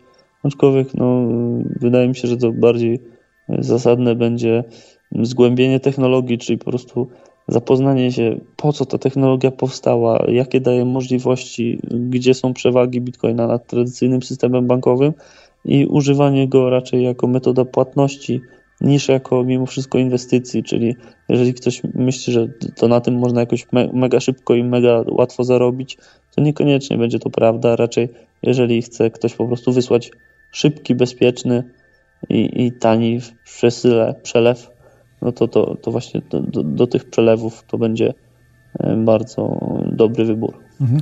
Szczególnie za granicę, prawda? I do, do takich Tak. krajów y, właśnie bardziej egzotycznych, już nie mówię tam o Australii czy Nowej Zelandii, chociaż też są egzotyczne kraje dla, dla, dla, dla Polaka, ale nawet można przesyłać, y, podejrzewam, y, ze złotówek na euro, prawda? Ja tutaj No tak, z Irlandii tak, tak. nadaję, więc powiedzmy z Polski do Irlandii e, Tak. też, e, też jest, nie, omija się banki, omija się urzędy skarbowe, więc też jest jakiś tam, e, szczególnie, że dzisiaj te urzędy skarbowe, te aparaty państwa są łase na każde pieniądze, kulczyki i ci wszyscy ludzie, prawda, którzy są na samym szczycie, Bilderbergowie, którzy są nawet nie tyle miliarderami, co bilionerami, właścicielami banków, to robią sobie przelewy, co, co chcą, natomiast urzędy skarbowe łapią tych tak zwanych maluczkich, ludzi, którzy sobie przesyłają, nie wiem, 10 tysięcy czy 20 tysięcy euro, prawda, i tych tam cabasz e, z, No tak. e, w banku i że, że płać tam, prawda, te podatek od tego i tak dalej i później e, no, m, od pieniędzy, które już podatek był zapłacony, bo to bardzo często właśnie dotyka uczciwych ludzi, gdzie pieniądze już mają uczciwie zarobione po opłaceniu wszystkich podatków, czy jest, podwójne, potrójne opodatkowanie, prawda, państw. Mm, I na koniec, e, taki zupełny już koniec, mam pytanie m, już zupełnie takie mocno spiskowe o twórcę e, Bitcoina, którym jest Satoshi Nakamoto. Zresztą e, twój, e, twoja strona, twój portal e, nosi imię e, czy, czy nazwę e, wziął od twórcy, podejrzewam, że to się Tak, tak, zgadza, tak. z- od Satoshi, Satoshi.pl. Satoshi Tak. Nakamoto to jest fikcyjna postać, prawda? Znaczy to, to jest pseudonim Tak, jest to pseudonim. i nie wiadomo, czy twórcą jest jedna osoba, czy, czy dwa, ale pojawiła się taka stronka w zeszłym roku, znaczy s- informacja właściwie, news, że prawdopodobnie może być to Antony Gir, który jest jakimś matematykiem, kryptologiem bardzo znanym, bo ym, y, wysz, wyszło, wy, wy, wyszła taka mm, historia z jakby w- włamaniem się na skrzynkę i e-maila no, niektórzy mówią właśnie twórcy Bitcoina, czyli tego, tego pana Gira, i tam była grafika, która była mm, jakby yy, sprawa, że ten włamywacz po prostu chciał 25 bitcoinów za ujawnienie, prawda, tej osoby, ale tam wiem, że w tym zamazaniu było widać, że to jest Antony Gir i w końcu, w końcu jak właśnie się to rozwiązało? Czy to okazało się, że to, to jakiś humbug po prostu? Znaczy, czy... co do tego włamania, no to Tak. faktycznie tam y, na skrzynkę, na skrzynkę, którą się tam Satoshi kiedyś posługiwał, y, y, on jak publikował manifest, no to tam użył skrzynki mailowej, no to faktycznie to było włamanie na tą skrzynkę, y, ale generalnie no, z tego co ja się orientuję, no ta, ta, ta tożsamość nie została ujawniona Satoshiego, no mm, jeżeli spojrzymy na sylwetki takich osób jak tam na przykład Nikola Tesla czy Alan Turing, no to możemy mniej więcej się domyślać, że tacy wielcy naukowcy często nie tyle są nawet nieszanowani, co wręcz y, jakieś tam grupy interesów starają się zniszczyć tych ludzi, więc myślę, że dobrze, że nie wiemy kim jest Satoshi, no i e, mam nadzieję, że się nigdy nie dowiemy kim on był. Mhm. Może być to też grupa, prawda, y, No tak. y, ludzi i sądzę, że to jest chyba bardziej prawdopodobne, bo nie wiem, nie chce mi się wierzyć, że jedna osoba po prostu coś tak, No, coś tak mogła to być genialnego jak stworzyła. grupa osób, tak. Że, że, że jednak to potrzeba po prostu troszeczkę więcej. No chyba, że ktoś właśnie jest tak genialnym tym informatykiem, y, kryptologą, matematykiem, bo to już taka bardziej y, interdyscyplinarna, prawda, dyscyplina, e- ekonomia też, prawda, bo to zahacza o ekonomię, No y, tak, tak. y, Że, że jedna osoba na, na poziomie właśnie, tak jak wspominałeś, Tesli czy, y, czy Alana Turinga, no, geniuszy niewątpliwych i, i na tym poziomie, ale zostaje anonimowa i to, to jednak jest, jest istotne, bo z nią mogło to się to samo stać, co stało się z y, właśnie twórcą Silk Roadu, prawda, Rossem Ul- Ulbrichtem, że, że też mógł trafić po prostu za to do więzienia, za, za stworzenie Wła- Bitcoina. No właśnie, dokładnie tak. Mogłoby się coś zdarzy, zdarzyć jakiegoś tam no, nie- niedobrego, no i, i tutaj ta anonimowość tej osoby jest jak najbardziej e, potrzebna. Mhm. Jasne.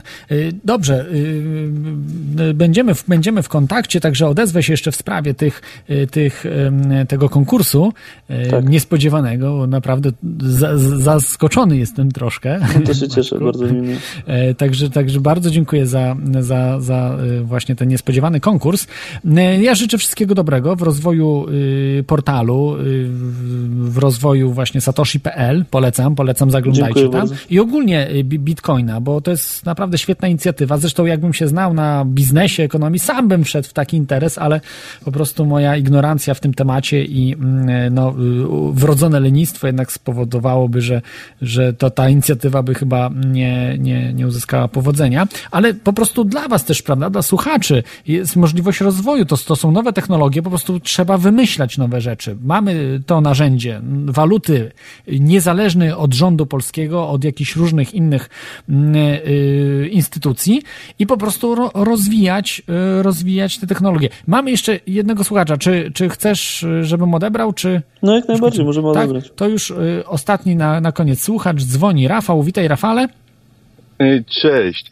Ja mam takie praktyczne pytanie, bo dużo ludzi, którzy przebywa za granicą, często mają problem typu wysłania pieniędzy, na przykład zarabiają w dolarach w Stanach i chcą wysłać pieniądze do Polski. Te prowizje są dosyć wysokie i czy miałoby sens zakup bitcoina, przetransferowanie go do Polski i sprzedaż bitcoina? Czy taka operacja byłaby opłacalna?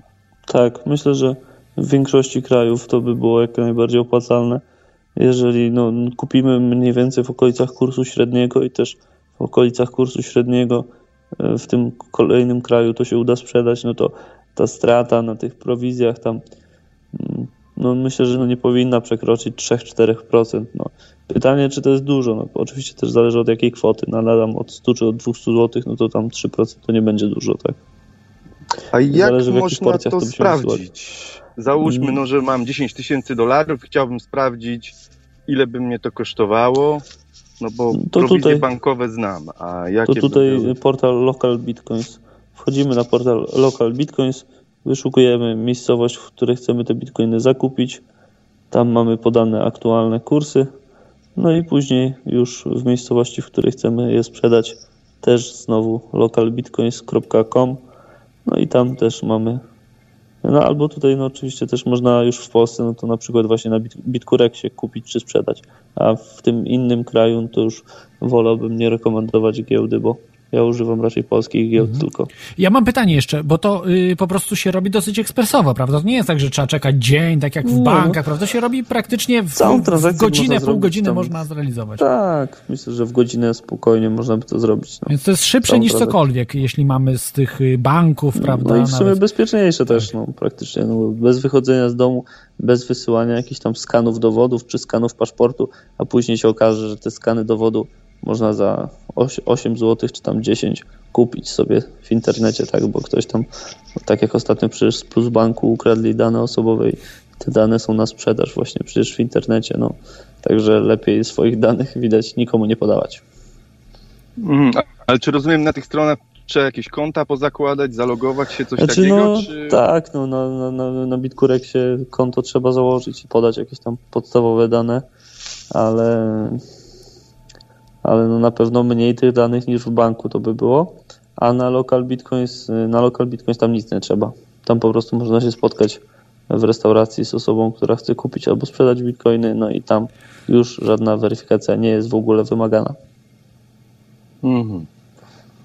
No dobrze, dobrze, to dziękuję za Dzięki. informację. Dzięki, dzięki, dzięki za te informacje. Trzymaj się, Rafale. Hej. No, no cześć. Hej.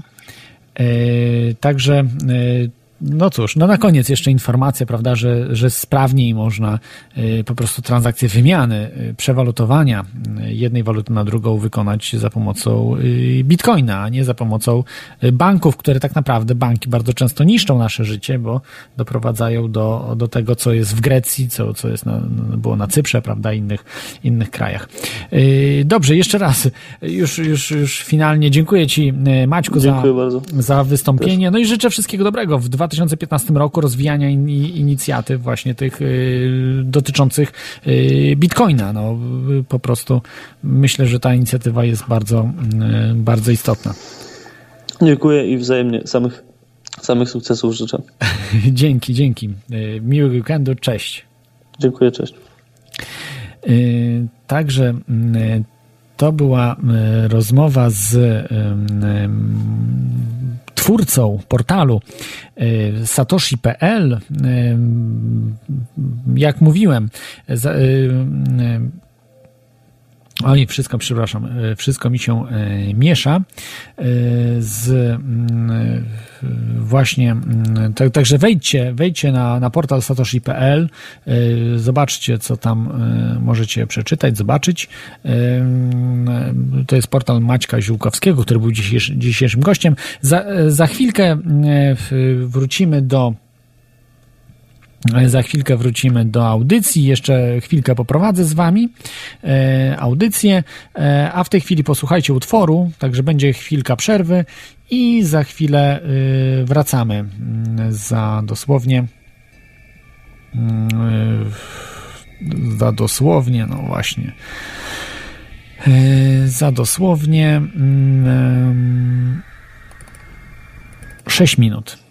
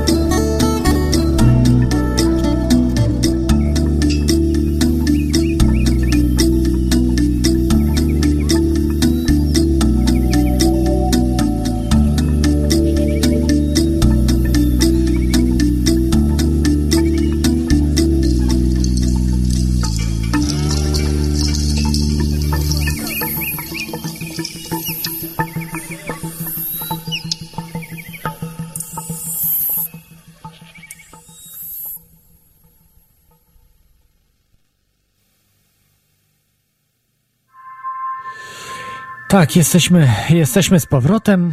E, To jest audycja Teoria Chaosu. Dzisiaj rozmawiamy o mm, e, Bitcoinie. E, Mieliśmy gościa mm, Maćka Ziłkowskiego z portalu satoshi.pl. Polecam. Mm, Już, już są zwycięzcy, jest już 15 osób, także, także już nie piszcie, jeśli, no niestety, jeżeli nie wysłaliście maila z strony teoriachaosu.com.pl e, maila lub, lub z portalu, to już nie wysyłajcie. Ale może spróbujcie, bo może ktoś się wycofa, ale, ale już, jest, e, już jest ta grupa, także e, będą e, na dniach będą e, po prostu informacje e, od osób. Możecie dzwonić. Telefon 33 482 72 32 lub skype toriachosu.com i możemy dzisiaj porozmawiać jeszcze o e, Bitcoinie. Co myślicie o tym? Mm, Bo może nie wszystkim się ta inicjatywa podoba, w- e, walut wirtualnych. Z nami jest stały słuchacz. Witaj stały słuchaczu. Dzień dobry. Jest. e, Wszystko, wszystko dobrze słychać. Bardzo dobrze. E, e, chciałem tylko powiedzieć o, o tym gościu, co pan mówi, że tam oskarżają. E, I ktoś ukradł mu, podszył się pod jego IP i po prostu, jak, bo policja polska dostała informacje z zagranicy, z, od innych policji, z, z innych krajów, po prostu sprawdzili e, tego pana i się okazało, że jest fałszywe, bo już ktoś pod niego podszywał. Podszywał i pozywa- wyjaśnili sprawę i, ty, i, i tyle tak podali w, w telewizji, w wiadomościach, że sprawa została wyjaśniona i jest niewinny i po prostu fałszywe oskarżenia i tyle. Ale, ale o, kogo, o kogo chodzi? O Tymochowicza, tak? O, o, tego, o tego pana, y, co jest tam współpracownikiem, y, w, y, co pan mówił wcześniej, y, że oskarżają go o pedofilię. A, Tymochowicza, tak? Piotr Tymochowicza. Tak, tak, że, to, że ktoś po prostu podszył się pod jego IP, żeby się ukryć, żeby go nie namierzyli, po prostu y, i, a, a polska telepolicja dostała po prostu na miarę od y, tej policji z Niemiec po prostu i po prostu sprawdzili sprawę i, i, i wyjaśnili i, i, po, i po sprawie. I, I jest po prostu, ktoś się po prostu podszył pod niego, po prostu wykorzystał jego dane osobowe. Rozumiem, rozumiem. I, i, to, i na, tym, na tym się sprawa, na tym się sprawa po prostu skończyła. E, to tylko tą jedną rze- A rzecz. o bitcoinach, tam E, słuchaczu. Czy słyszałeś o bitcoinach? Słuchałeś Oczywiście. dzisiejszej audycji, tak? Że... Było w radiu, e, słuchałem też w radiu TOK FM, była cała audycja poświęcona go, godzinę trwająca e, o Bitcoinie miesiąc temu w sobotę o 21. Tam jest taki... Czyli pro- mainstream się też już tym zajmuje, też już o tych sprawach mówią. E, Tak, bo jest taki program e, Człowiek 2.0 o technologiach, znaczy o internecie i po prostu tam był program poświęcony Bit- Bitcoinowi, byli goście, o, o, o Bitcoinie był po prostu, też było trochę o walutach tych lokalnych, było w, w tej audycji, w tej audycji było e, no i tyle, i plus te audycje o, od, od, u pana dwa razy o Bitcoinie słuchałem. To bardzo pożyteczne, że po jest, jest jakby alternatywa, ale e, też o przesyłaniu pieniędzy przez banki. Też, e, mam też konto, robiłem jakieś przelewy e, i, to tak samo szybko to po prostu idzie. Przecież to tak samo przesyłają przez, przez internet przelewy, czy zwykłe pieniądze w zwykłym banku, czy bo koniec też przez internet. To tak samo szybko przecież jest. Mhm. Nawet szybciej. Nie, zrobiłem przelew e, w M-Banku, to natychmiast u, u, u, u pana był, pieniądze były po, po paru minutach.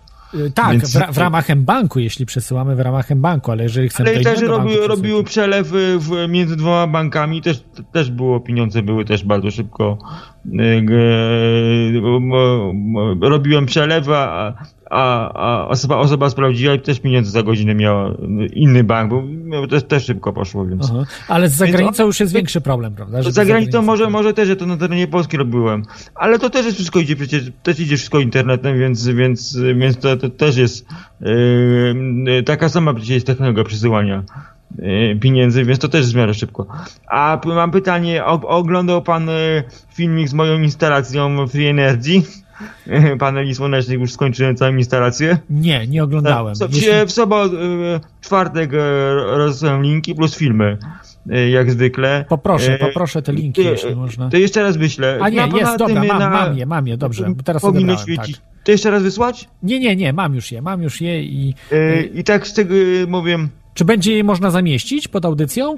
Oczywiście, Tak? filmik, wszystko jest, można sobie, Super. może pan upublicznić. Yy, I tylko tak powiem, że instalacja zasuwa, pół domu zasuwa od 6 rano do zachodu, zasuwa. Znaczy nie jest free energy, działa tylko 12 na panelach. godzin. Pi razy a, jakbym, 12 godzin. a jakbym y, nie oszczędzał baterii, to chodziłoby 24 godziny na dobę. O, baterie właśnie przełączyłem teraz, żeby ich nie piłować do rozładowania. Jedna kreska się rozładowała baterii. Ja, to by spokojnie wystarczyło na całą, na całą noc i by chodziło 24 godziny na dobę. Mhm. Więc, więc to tylko kwestia, chcę użyć baterii, używać baterii to chodzi 24 godziny, nie chcę, to przełączam się na sieć po prostu. No, bardzo, bardzo pomysłowo. I A, a dzięki jest tam temu... te dwa artykuły, Tak. jeden duży artykuł o domowych magazynach energii, e, więc e, kto ma taki magazyn i go chce używać, to ma 24 godziny na dobę, jest samowystarczalny, więc to tylko kwestia, e, chce się używać czy nie, więc, więc to już pod tym kątem ten jest, e, nie ma problemu. Tam jest duży artykuł taki zbiorczy, plus relacje z wielu większych targów e, tych urządzeń. W Niemczech e, po polsku jest relacja, może pan obejrzeć. E, I tam po prostu w, w tym artykule jest e, relacja, można sobie posłuchać. Właśnie o tych domowych magazynach energii, nowych panelach, wszystkich tych urządzeniach. Więc, więc e, jak chcę, to mogę sobie przełączyć e, praktycznie pół domu na 24 godziny, odłączyć po prostu te pół domu od, od sieci po tych testach e, trzech dni, raczej bo od, e, od tygodnia instalacja działa pełną parą, czyli są wszystkie panele zamontowane. Bo byli, byli fachowcy, którzy, dekarze, którzy mi po prostu założyli na dachu, bo jest stromy, więc Aha. ryzyko, że ja spadnę z dachu, jakbym sobie sam je prze- zakładał jest zbyt duże, więc e, wziąłem po prostu dwóch ludzi, którzy robią da, w dachu i po prostu mi przykręcili do dachu Jasne. z powodu bezpieczeństwa.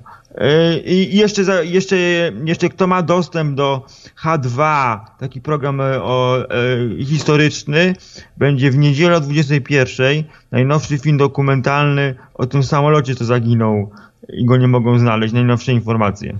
Kogo, ko, kogo to interesuje? kogo- MH370, tak? Ten tak zwany. Tak, tak, tak, będzie film i nawet będą wszystkie teorie spiskowe, bo widziałem reklamówkę. No to jest, to jest zadziwiające, bo tak naprawdę do dzisiaj nie wiemy, No co, wszystkie, będzie stało. nawet, jest nowa teoria, że samolot leciał sobie, leciał normalnie i po prostu rozżalony meteor go trafił, po prostu go zniszczył w powietrzu. Prawie całego. Jest, O. będzie nawet taka teoria. To daleko, daleko da, bo, bo takie się już zdarzenie 10 lat temu się zdarzyło, tylko malutki meteor, meteor wielkości pocisku trafił samolot, po prostu go uszkodził, się rozleciał w powietrzu. Zdarzyło się to po prostu odnaleźli odłamki tego meteorytu 10 lat temu. Mhm. I po prostu mały meteoryt po prostu zastrzelił samolot. 10 lat temu się to stało. Więc jakby duży meteoryt, taki średnicy 10 metrów takiego samolotu, to by nic z samolotu nie zostało. Bo to jest rozżarzone po prostu kula, po prostu, która by stopiła prawie No samolot. tak, ale to by były jakieś ślady, bardzo- jakieś tak. wielkie, wielka eksplozja, to by te Ale to y, maszyny, tam jest- tam jest- y, nad oceanem tam, by y, tam wychwyciły i- coś. Yy, po prostu zniszczyło samolot. Jest, mówię, że yy, z reklamówki jakie teorie będą poruszane. Tak, tak, będzie tak. porwanie, trafienie przez te meteory, nawet będzie czarna dziura, czyli przeniesienie do innego wymiaru. Ze fragmentów bez yy, zapowiedzi tego filmu po prostu lecą, a, a co dokładnie będzie, to będzie w niedzielę o 21 będzie. No, Więc kto ma, a zrecenuje pokrótce e, ten film w przyszłym tygodniu, co, co jak, jakie teorie były poruszane. Jasne. No i jeszcze jest film dokumentalny e, e, Demony, ten, e, e, Pandora o energii jądrowej. Bardzo ciekawy. Tam linki też Mhm. będą, tam, tam link też jest w tym zestawie. Tak, tak, Tego tak, filmu nigdzie mam. nie ma w internecie, bo go przegapiłem, ale była powtórka na TVP, więc go wgrałem, wrzuciłem go w internet. Aha. Jasne, dobrze, dzięki Ci słuchaczu. Zadzwoń jeszcze, jeżeli miałbyś Nie, to wszystko. informacje. Dzięki. Eee, to był stały słuchacz. Em, z informacjami, także dzwońcie. Y, Telefon 33 482 72 32 lub skype.com. Y, Dzisiaj rozmawialiśmy o Bitcoinie, ale możemy rozmawiać o innych sprawach. Y, Teraz koniec sezonu, pierwszego sezonu w 2015 roku, y, czyli w obecnym roku, a w wakacje szykuje mm, trochę niespodzianek.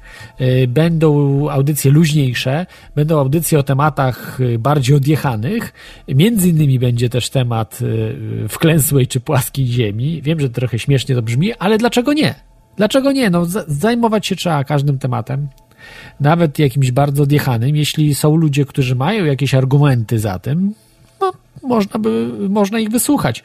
E, myślę, że y, no, y, są wcale niedużo, niedużo bardzo odbiegające to tematy od tematów, że y, astronauci nie wylądowali na Księżycu, tak? Czy amerykańscy astronauci nie wylądowali na Księżycu. No i tak dalej, i tak dalej. Takich tematów jest, jest bardzo dużo. Jest z nami, dzwoni Robert. Witaj Robercie, jeśli możesz wyłączyć, po prostu słuchajmy się tylko w Skype'ie.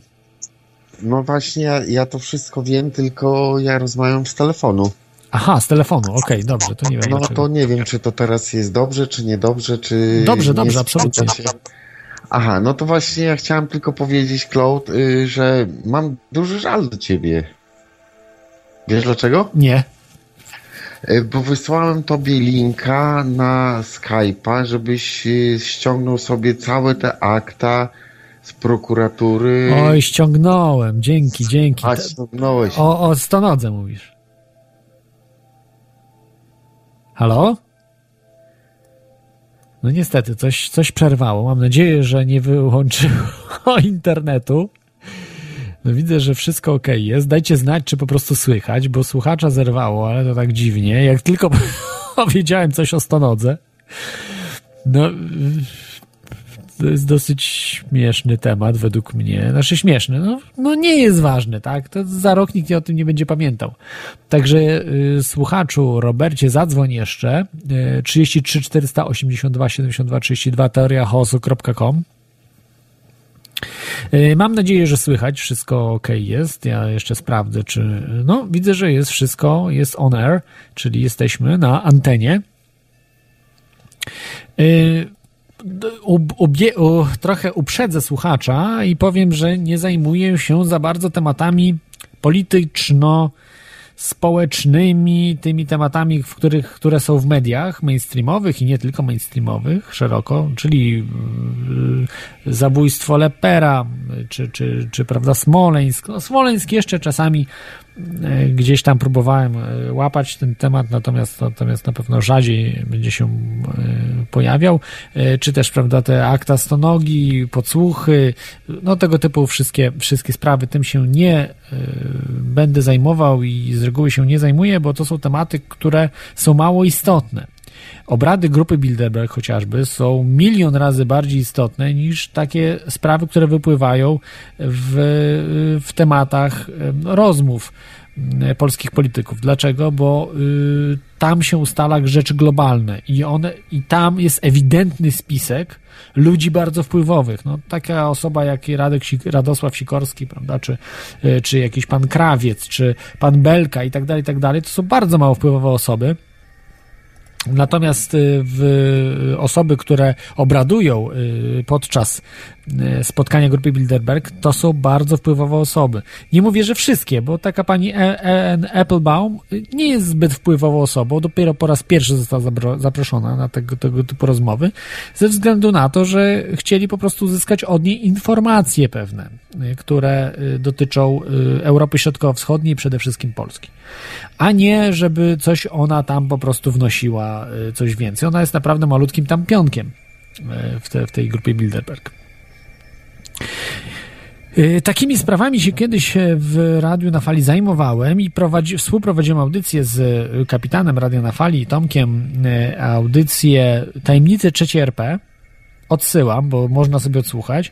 Kilka audycji zostało wyprodukowanych, z, nagranych w, w, tych tematach takich bardziej spiskowo-polskich, właśnie tajemnic III Rzeczpospolitej Polskiej, ale to jednak zarzuciliśmy ze względu na to, że no, audycja nie cieszyła się zbyt, dużym, zbyt dużą popularnością i po prostu te rzeczy są można znaleźć wszędzie. Ja wiem, że, że, że, że, że ciekawie posłuchać sobie o tych sprawach, ale ty, tego w internecie, w polskim internecie jest po prostu dużo.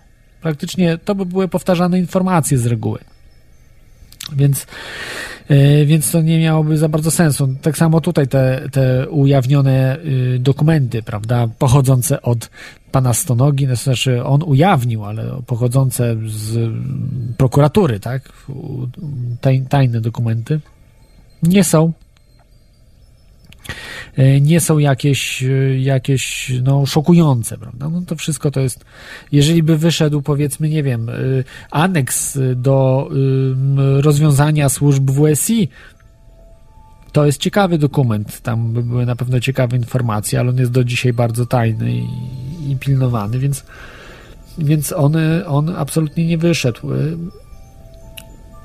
te rzeczy tak naprawdę mają małe znaczenie w stosunku do tego, co się, za, co się będzie działo na świecie w najbliższych latach, więc e, tak naprawdę zajmowanie się tematami e, polskimi no ma sens w mediach e, polskich, które te tematy mielą, ale, ale dużo istotniejsze rzeczy są takie, które tutaj poruszamy w, w tematyce spisków, globalnych spisków, rzeczy niewyjaśnionych też, bo do których należy wolna energia, UFO.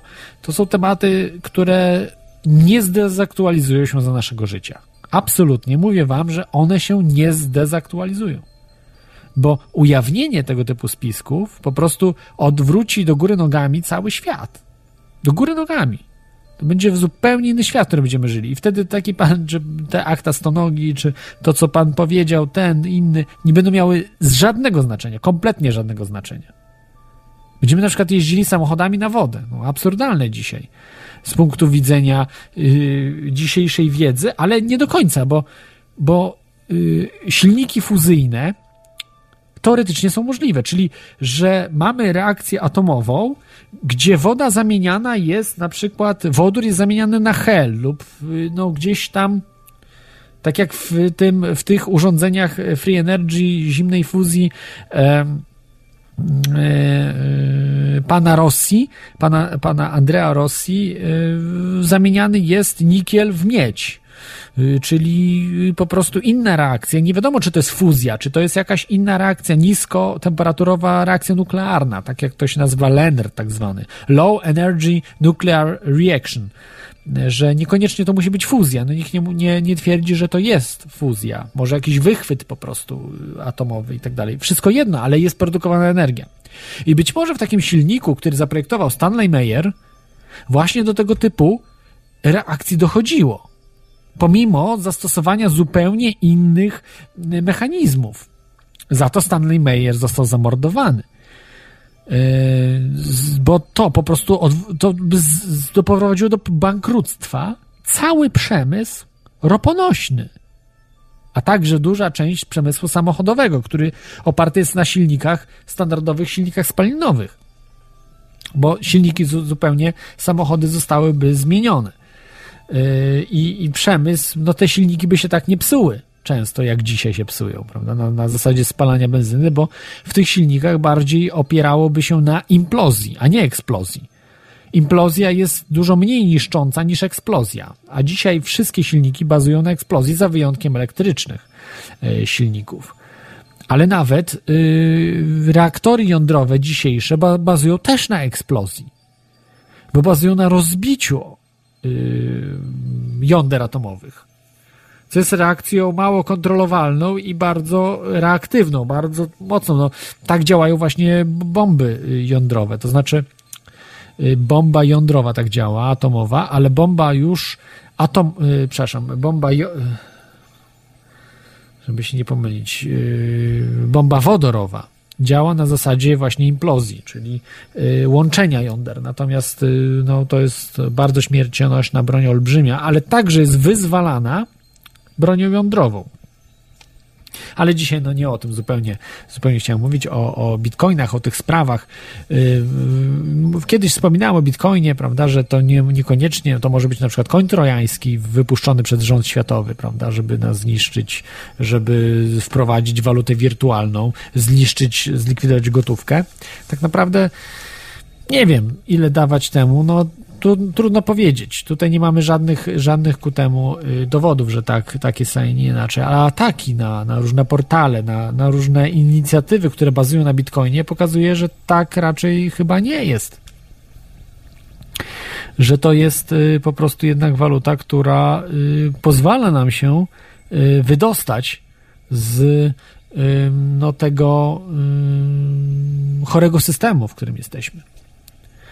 E, więc, e, więc to, jest, to jest po prostu broń przeciwko y, przeciwko globalistom, przeciwko dzisiejszym rządom, które są bardzo opresywne. No zobaczcie, Ross Ulbricht dostał dożywocie. Za co? Za to, że stworzył stworzył portal, w którym można było się wy, legalnie wymieniać rzeczami, które są dopuszczone przez tak zwany to są tak, tak zwane te cztery dopuszczone w, w systemie agorystycznym, czyli, czyli w, w agoryzmie, jest taki termin ukuty, już wam mówię, jak on się nazywa. To są tak zwane cztery strefy ekonomii, które możemy podzielić każdą ekonomię. I mamy białą strefę, szarą strefę, czarną strefę i czerwoną strefę. Biała strefa to jest każda działalność akceptowalna i zatwierdzona przez państwo. Czyli to wszystko, co jest legalne. Szara strefa to są dobrowolne działania, które ogólnie nie są zabronione, ale w tym w jakimś konkretnym przypadku nie są zatwierdzone przez państwo. Na przykład chcecie produkować alkohol. Teoretycznie możecie, ale musicie mieć najpierw, yy, musicie mieć yy, koncesje, musicie płacić yy, podatki od tego, no podatki wiadomo, ale akcyzę na układać i tak dalej, i tak dalej. A przede wszystkim licencje trzeba mieć na różne. Produkcja leków, prawda, i tak dalej. Tak, tak samo broni. Produkcja broni też jest szarą, w szarej strefie, że produkcja tego jest dozwolona, ale przez licencjonowanych producentów. Czarna strefa natomiast to jest zwany czarny rynek, dobrowolne działanie zakazane i niezatwierdzone przez państwo, ale dobrowolne działanie, czyli nie szkodzące nikomu. Do tego można zaliczyć prostytucję, handel bronią, narkotykami. Yy, no tutaj mam, że też bimbram, no ale to no, no tak, bo na bim, bimber nikt wam licencji nie da bo stwierdzą, że to jest trucizna, że to, co produkujecie jest trucizną i to zabija ludzi i tak dalej, i tak dalej, jakieś inne bzdury, więc to zawsze do czarnego y, rynku wam zakwalifikują. No prostytucja wiadomo, handel bronią, tak jak mówiłem, też może być w szarej strefie, w zależności od tego, jaki, jaką bronią, no i narkotyki raczej tylko w czarnej y, strefie. No, LSD jest niedozwolone, produkcja kompletnie. Y i czerwona strefa, czyli agresja niezgodna z prawem naturalnym, niezatwierdzona przez państwo, na przykład handel ludźmi, niewolnictwo, mm, nie wiem, y, zlecenia zabójstw, tego typu rzeczy, prawda, czyli takie no złe, złe, nie, nie, niedopu, niedopuszczone przez y, agorystów. Agoryści wyznają y, tylko i wyłącznie, y, to znaczy z, z trzech, a tak naprawdę na, na, najlepszych dla, jest szara strefa, czarna i biała strefa jest dopuszczona przez agorystów, a czerwona strefa nie. Y, która, która godzi w jakieś y, interesy, czy, czy zdrowie, czy wolność innych ludzi. I ona jest niedozwolona. Y, I, I tak też właśnie interpretował to Ross Ulbricht, że nie, do, nie zezwalał właśnie na tą czerwoną strefę, Y, ekonomii, żeby była właśnie w, w handlu w Silk Roadzie, ale także wyrzucił jeszcze broń y, z tego. Dodatkowo y, handel bronią wyrzucił z, z Silk Roadu. Więc tak naprawdę zostały z nielegalnych to została tylko prostytucja i narkotyki. Więc zupełnie nieszkodzące ludziom, zupełnie z libertariańskiego punktu widzenia wolnościowego, on nie popełnił żadnego przestępstwa. On popełnił tylko przestępstwo wobec y, mafii państwowych. Tak to nazwijmy, to są mafie państwowe. I on dostał za to dożywocie. Za stworzenie portalu. Nawet nie handlował narkotykami, on nie handlował niczym tam. Po prostu stworzył tylko portal możliwości wymiany, gdzie ludzie mogli komentować jak na Allegro, na Allegro, Świstaku czy innych portalach, eBayu, y, po prostu komentarze zostawiać że byli bezpieczni po prostu w tej wymianie. Nie musieli chodzić po jakichś dziwnych dzielnicach. Mieli sprawdzone substancje, że ludzie, którzy zażywali te substancje, a nie niewiadomego pochodzenia, że idzie ktoś do jakiegoś handlarza i nie wiadomo, czy mu nie, nie sprzeda jakiegoś dopalacza, po którym się przekręci. To wszystko było pod większą kontrolą jednak. I to, i, i to zniszczono po prostu. Zniszczono, że wszystko poszło na czarny rynek. Yy, więc No, tak samo komentarze były wobec y, klientów, że klienci też mieli komentarze, więc, więc tak samo na przykład prostytutki były bardziej pewne, z kim mają do czynienia, nie z jakimś tam, nie wiadomo, jakimś mordercą, czy, czy wiadomo kim też, też mogło tak być. Mm, Więc jak najbardziej to jest, y, to jest, to jest ważna sprawa. Polecam Wam zapoznać się z algoryzmem, z tą e, ideą algoryzmu, na którym właśnie jest A3, czyli do, do, do, e, dopuszczone jest właśnie biała strefa, szara strefa i czarna strefa, a czerwona strefa jedynie jest, jest sprzeczna z, z algorytmem, prawda? Czyli niewolnictwo, handel ludźmi, morderstwa, zlecenie morderstw, prawda? I przymuszanie do czegokolwiek, przymuszanie do prostytucji, do, ogólnie tego typu, tego, czyli stręczycielstwo to się nazywa. E,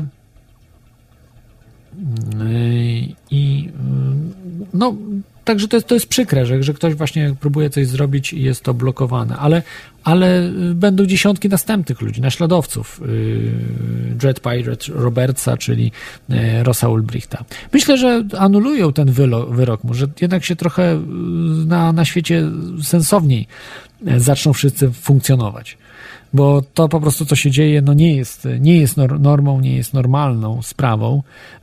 To co, to, co obserwujemy dookoła w tej chwili. No w Polsce nawet nie możecie wybudować sobie yy, lepianki, żeby nie pod mostem mieszkać, tylko żeby macie kawałek ziemi, żeby na swojej ziemi nie możecie lepianki wybudować. Teraz troszeczkę to się zliberalizowało. No, chwała yy, parlamentowi, że jeszcze pod koniec coś próbuje robić, ale to oczywiście są tylko półśrodki, bo wydłużył, znaczy skrócił czas o połowę wydawania decyzji, więc ale po pierwsze trzeba zlikwidować sensowność wydawania decyzji pozwoleń na budowę. Chce ktoś się budować, to się buduje, tak jak Waldek Deska to zrobił niedoszły kandydat libertariański na prezydenta. Bardzo zacna postać. E, polecam wam. E, Waldek Deska, wpiszcie sobie, zobaczcie, zbudował dom za 15 tysięcy złotych. Tak, nie kłamie, 15 tysięcy złotych. Byłem w tym kilka razy, byłem u, nie, u niego w domu, naprawdę. 99,9% ludzi marzyłoby mieszkać w takiej okolicy i w takim domu. Wierzcie mi, naprawdę.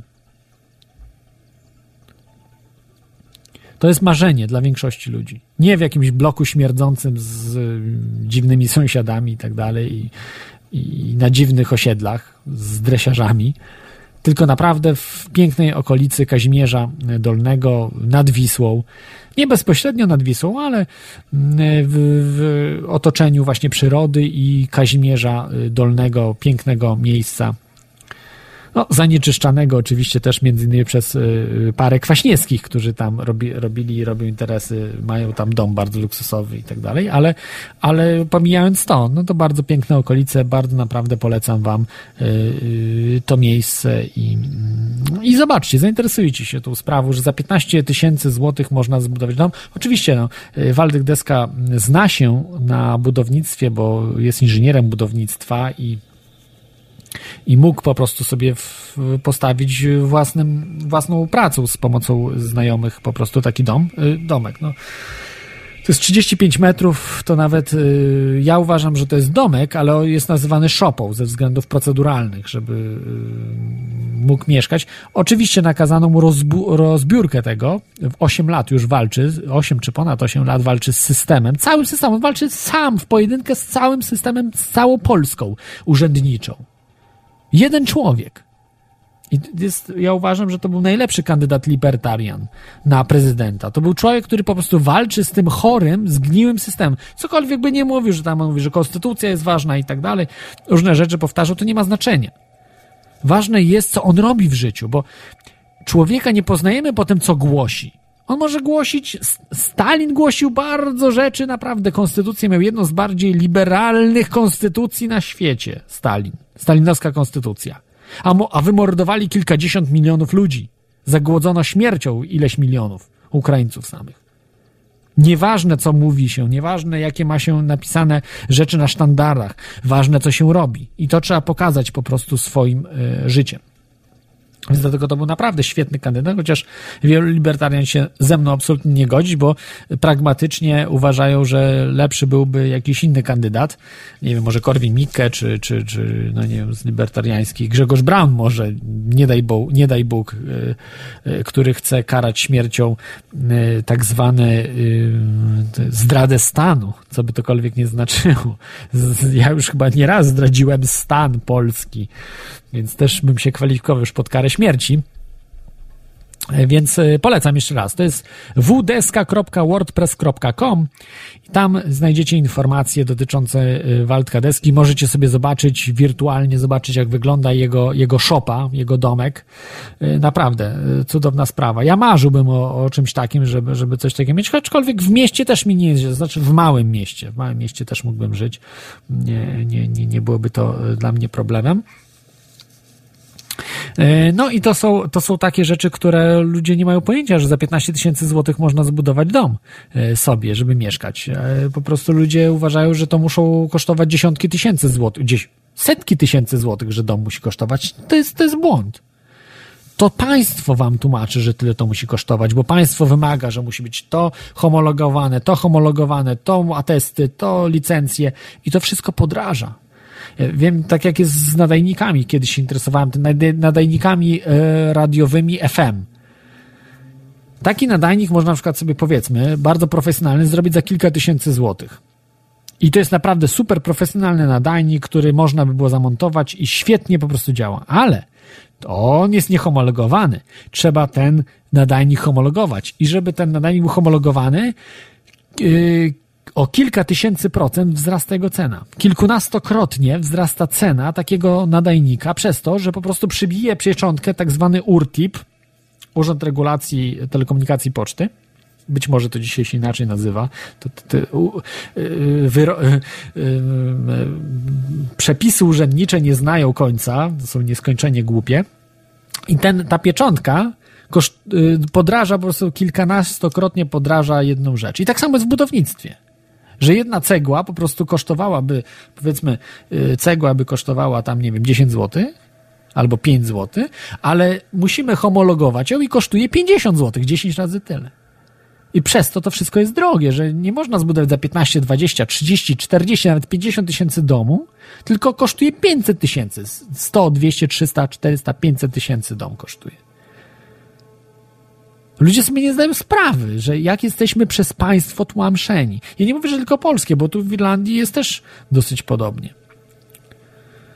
Troszkę lepiej jest, troszkę faktycznie lepiej, że, że yy, jeżeli po prostu z sąsiadami się dogadasz, to bez problemu możesz sobie tam postawić nawet jakąś lepiankę, tylko że niestety ziemia jest droga w Irlandii, yy, bo ziemia jest tania dosyć, ale poza miejscami, yy, gdzie jest praca, prawda, poza miejscami y, miejskimi, czyli na wsiach jest wtedy możliwość, ale wtedy trzeba być rolnikiem, bo tam po prostu żadnej jakiejś specjalnej pracy nie ma, więc a y, miasta są dosyć małe i jest mało miast dosyć.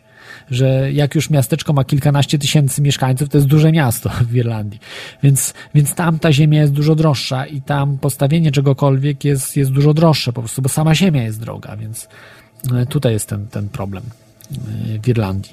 A jest dużo ziemi oczywiście, no ale w jakichś pustkowiach takich, no nie wiem, gdzieś, gdzieś tam, gdzie nikogo nie ma praktycznie. Więc jeżeli ma się pieniądze, ma się emeryturę, no to można sobie mieszkać, ale jeśli nie ma się tego, no to, e, no to wtedy ziemia jest droższa. W Polsce ziemia jest bardzo tania. Naprawdę można za, za grosze mieszkać w, w, pobliżu, w pobliżu miast. A, tutaj jest Nox.pl, pisze, że to jest UKE, Urząd Regulacji Elektronicznej. UKE się nazywa. To się zmienia co ileś lat. Po prostu kiedyś się PAR nazywało. Państwowa Agencja Radiofoniczna chyba, czy jakieś takie były.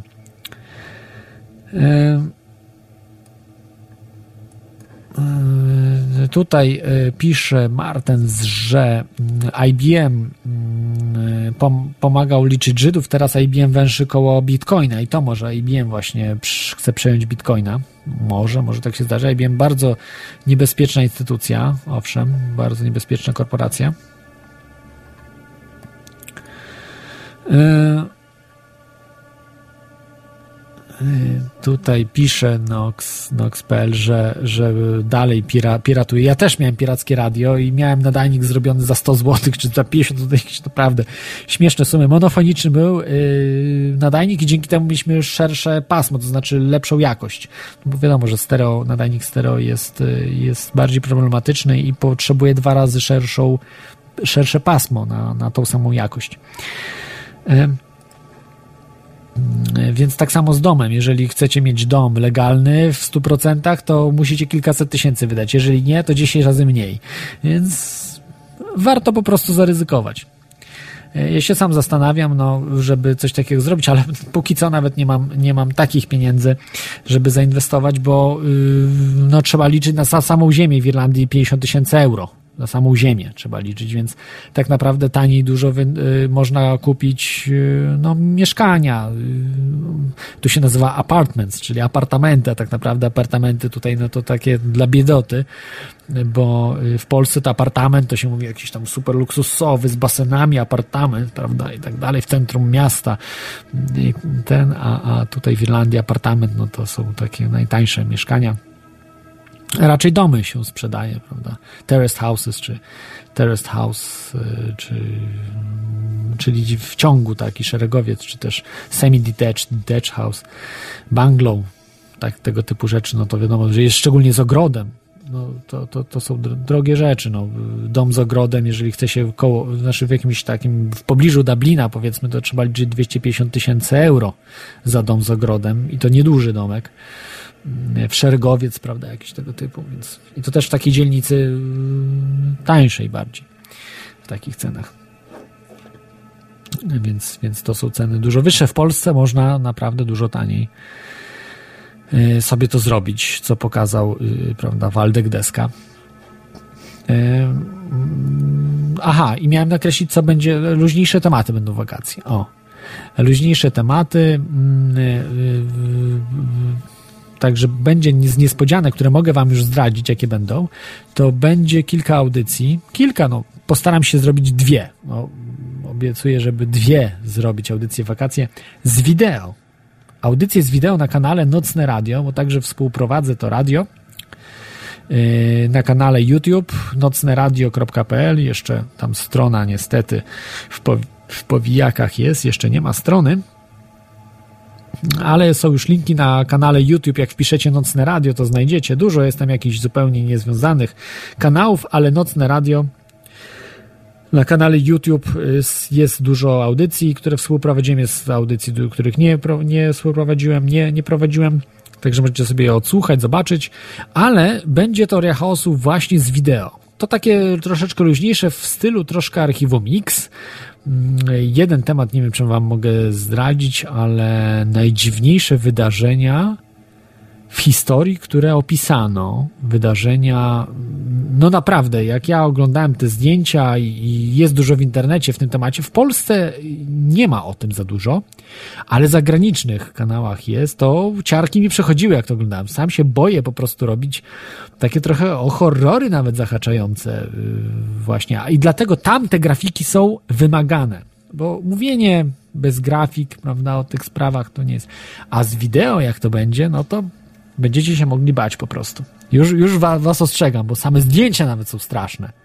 I jeszcze jak się mówi, że te zdjęcia są autentyczne, to już zupełnie. Także troszeczkę zdradziłem, że będą tego typu sprawy. Dzwońcie, telefon 33 482 72 32, skype torehosu.com.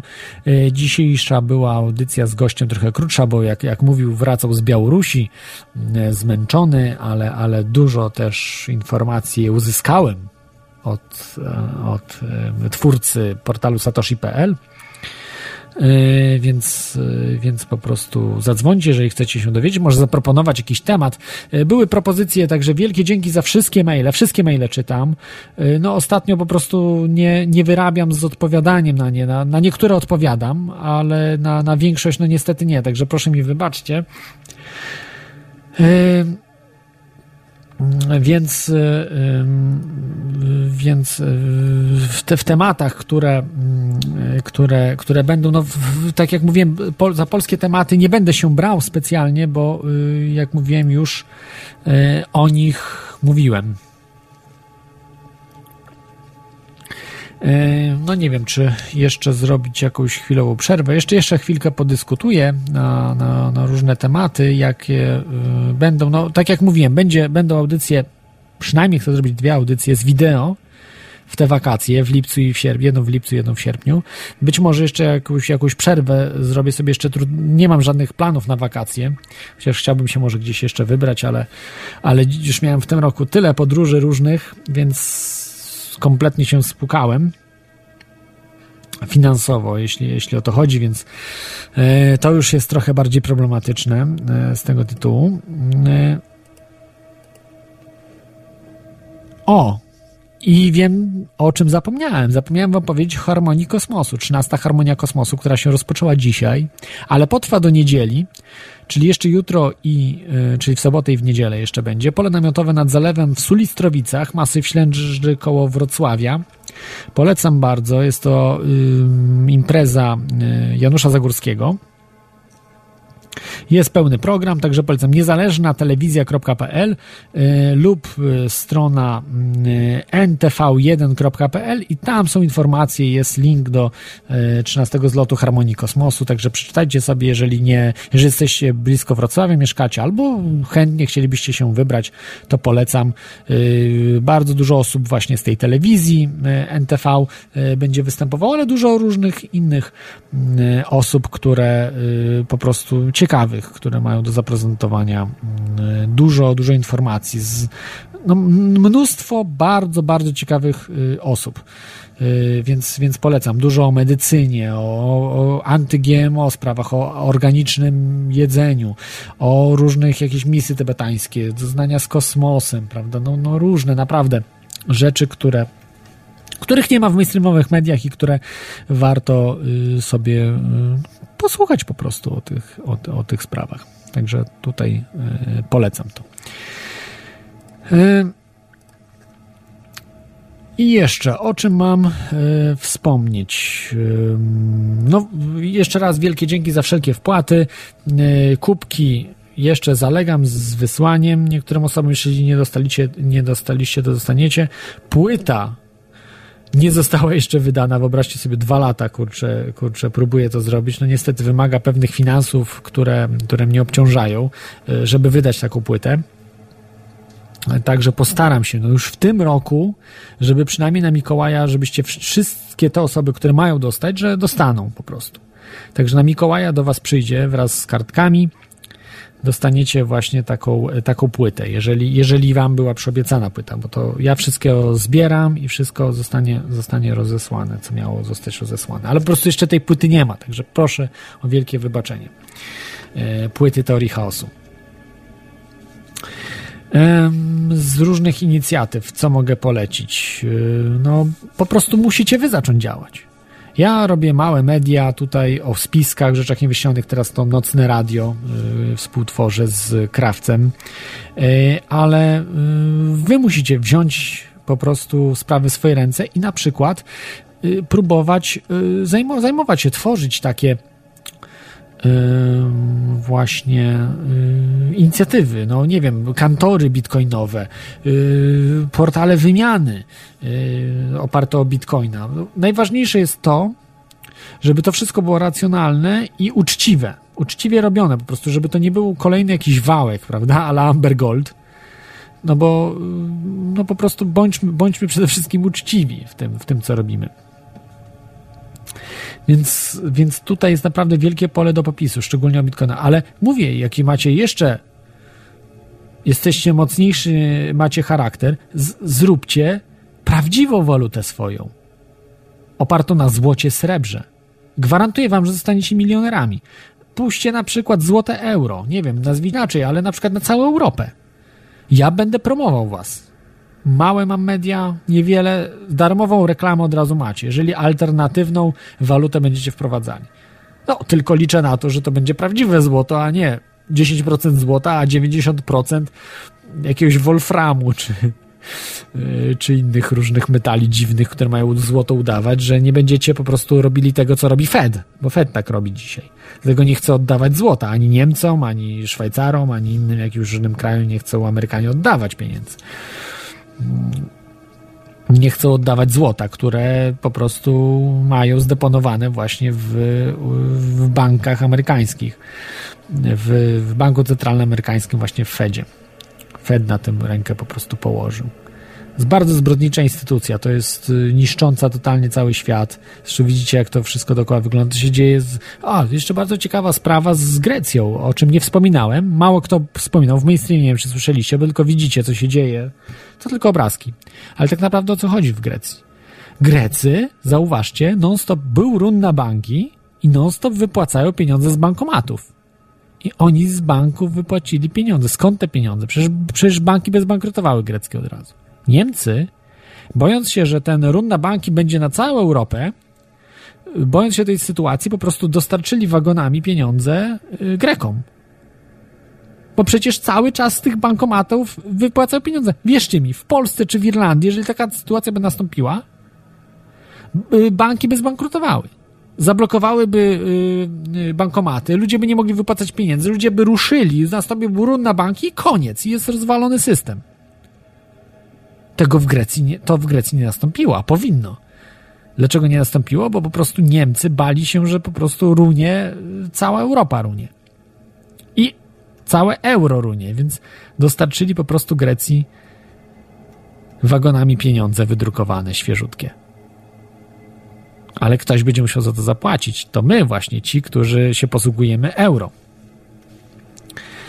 Yy, za to zapłacimy. Więc no to jest to jest sprawa bardzo no, odciągająca tylko rzeczywistość. To znaczy, to nastąpi w końcu. Nastąpi. Być może na jesieni, być, być może później, nie wiem. Nie orientuję się, także jeżeli macie oszczędności, radzę wam po prostu zainwestować w nieruchomości, w jakieś rzeczy materialne po prostu bo trzymanie pieniędzy albo w złoto może być też, może być w, w siebie, w wiedzę swoją, nie wiem, no w różne... W różne Nawet dali dokładnie jaką kwotę... Stały słuchaczu, jeszcze raz, jeszcze raz, bo dopiero... Już, już, tak. Wyciszam się. Tak. E, chciałem powiedzieć, że dokładnie u nas w wiadomościach podali dokładnie ile kwotę wypłacili e, Grecy z bankomatów e, z bankomatów. Ileś podali, miliardów, tak? Niemcy były przywo przywieźli, gotówkę przy, przywozili no. e, do tego. Wszystko było powiedziane w głównych wiadomościach. A, to o tym mówili, że Niemcy tym... przywieźli, tak? Tak, tak, A, dokładnie, żeby tylko nie podali kiedy i dokładnie jaką kwotę, ale podali mniej więcej, że około miliarda euro wypłacili w ciągu dwóch tygodni Grecy e, go, gotówki i nawet pokazywali zdjęcia, co ludzie kręcili, e, do YouTube wrzucali w wiadomościach, e, gdzie ludzie mają pochowane pieniądze. Dokładnie to wszystko jest relacjonowane, pan mówi, że tego nie ma w mediach. Myślcie, no u nas wszystko po prostu pokazują, pokazują. E, więc jest, jest wszystko w, w mediach. A chciałem tylko jeszcze jedną dodać, e, e, taka ciekawostka, jak mamy trochę czasu, e, że e, brakowało mi jednej części, jak tu montowali te panele. I pojechałem e, tutaj do sklepu lokalnego, to tam mieli pięć stanowisk telefonicznych i się tylko telefonu używały, dzwonili ludzie. Ile kosztuje instalacja, zdjęcia z dachami i tak na, i tak, jak chwilę brałem po tą część, zanim mi dali, to po prostu telefony się urywały. E, ludzie o montaż takich instalacji e, fotowoltaicznych na dachach e, tam dzwonili. A mhm. chodzi, że ten sklep był drogi, bo za tą część musiałem zapłacić 60 zł, a od tego gościa, co kupowałem panele, to były po 20, ale się już nie opłacało jechać, jechać 60 km po jedną złączkę, więc, no, więc zapłaciłem te 60 zł, a i tak mi pan potem dał rabat na, na tą złączkę, więc wyszło mi na to samo. E, to tylko taka ciekawostka na koniec. No ale tą instalację widzę masz, bo... bo... Tak, już jest gotowa, już od dwóch tygodni, od tygodnia już zasuwa. Od 6 rano do, do, do, do zachodu pół domu chodzi na tym non-stop. Tak, ale to nie jest, y, że cały czas jest pod stałym kątem, więc to będzie trochę tak... Nie y, mam pod dwoma kątami ustawione panele. Najpierw jest, e, wschodzi słońce, są trzy panele, przesuwa się, przesuwa słońce i potem łapie sześć paneli, bo rano o, o 6 rano to zużycie prądu jest minimalne, tam o 8 to, no tak. to, to jest niewiele, dlatego podzieliłem to na dwie części. A więc. jeszcze raz, jeżeli mogę przy, przypomnieć, jaka jest wydajność tych, tych paneli? Ja mam moc całkowitą instalację 2,5 kW no, i 5 kW w, w kolektorach, czyli no mam sobie pięknie. 7 kW zainstalowane. To praktycznie wszystko wystarczające i pralka, żeby chodziła i komputer, prawda? I... No to komputer normalnie chodził, wziąłem, zapomniałem przełączyć inwerter na, na na, na, sieć na bypass, to chodziło gdzieś do północy.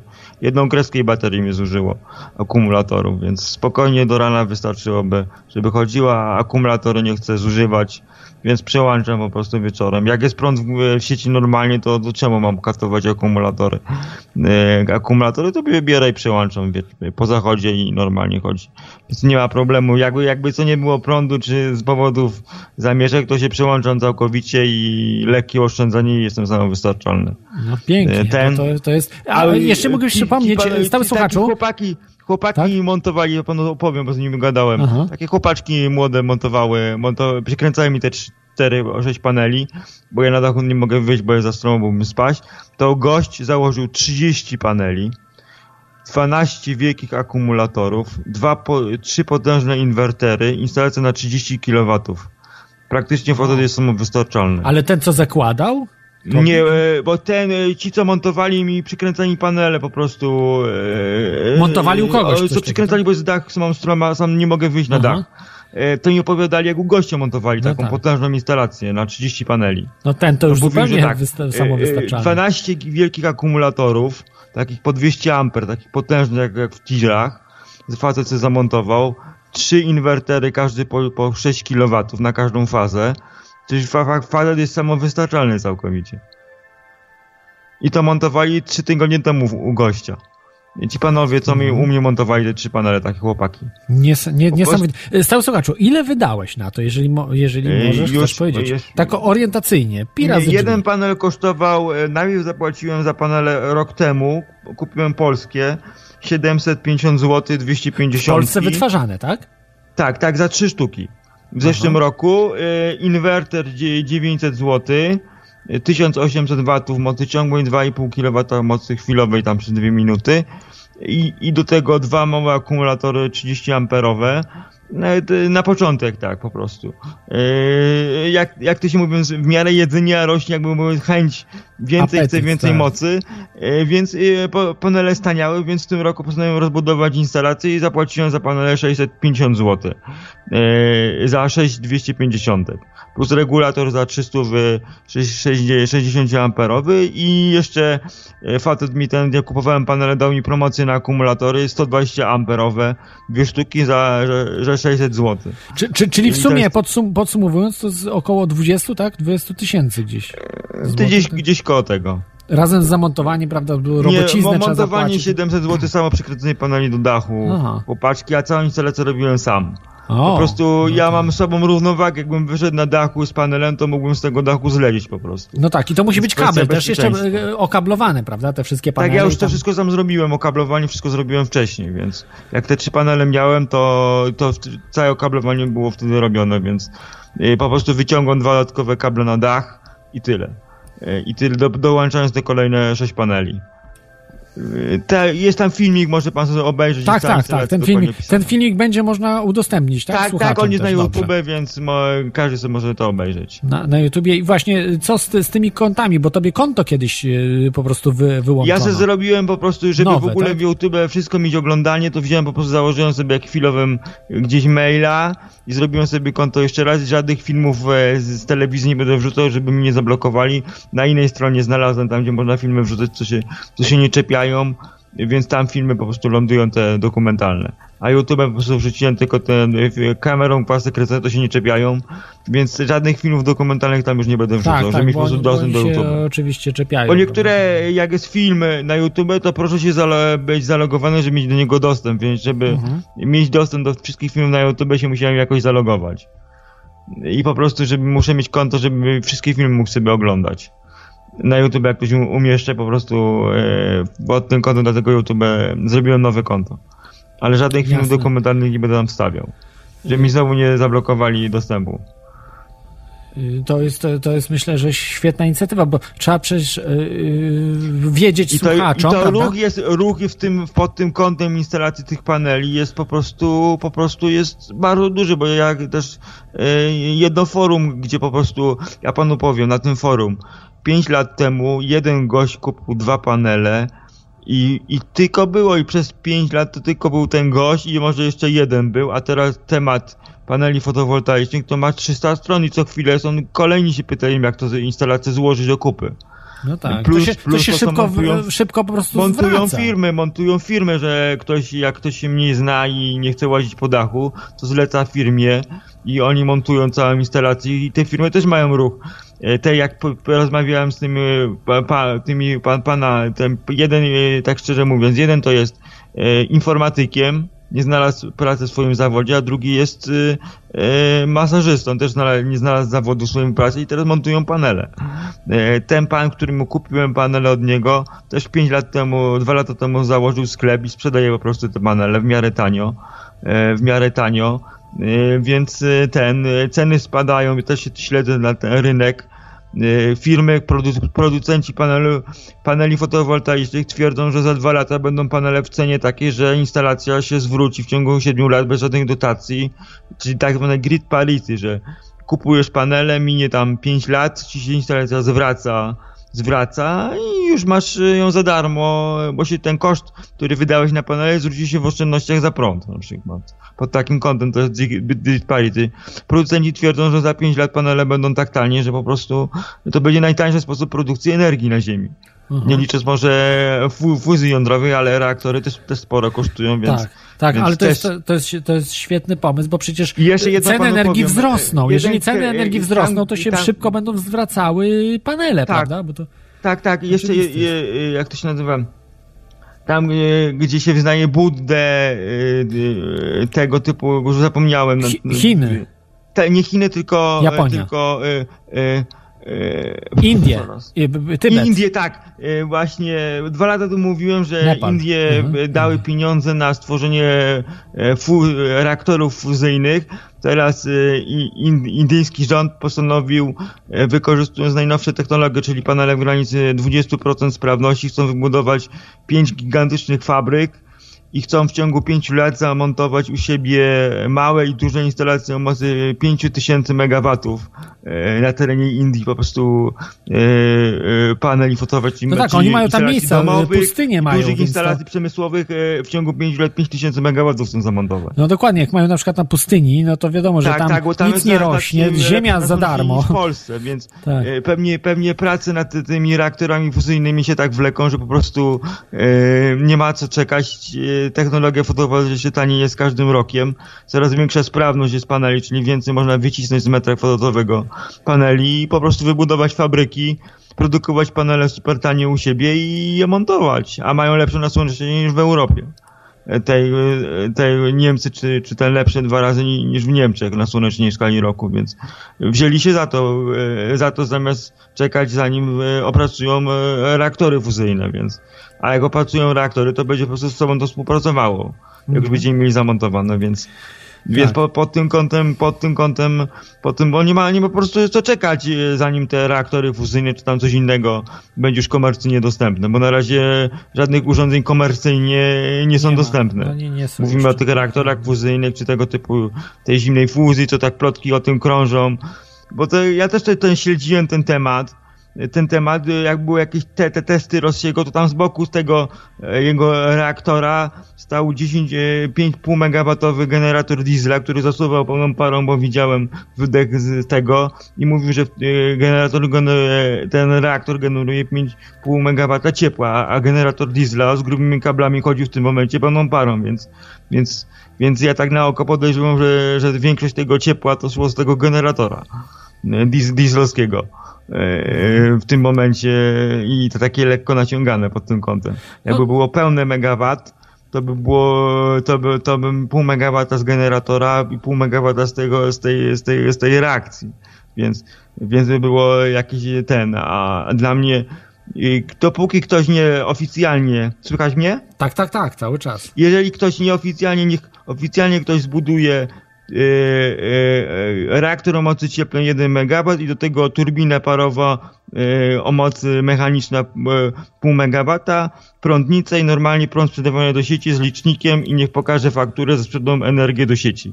To jest dla mnie dowód, byłby dowód, że to urządzenie w energii działa naprawdę, bo zakład energetyczny by się nie dało oszukać, sprzeda, e, płacąc za nieoddany prąd do sieci.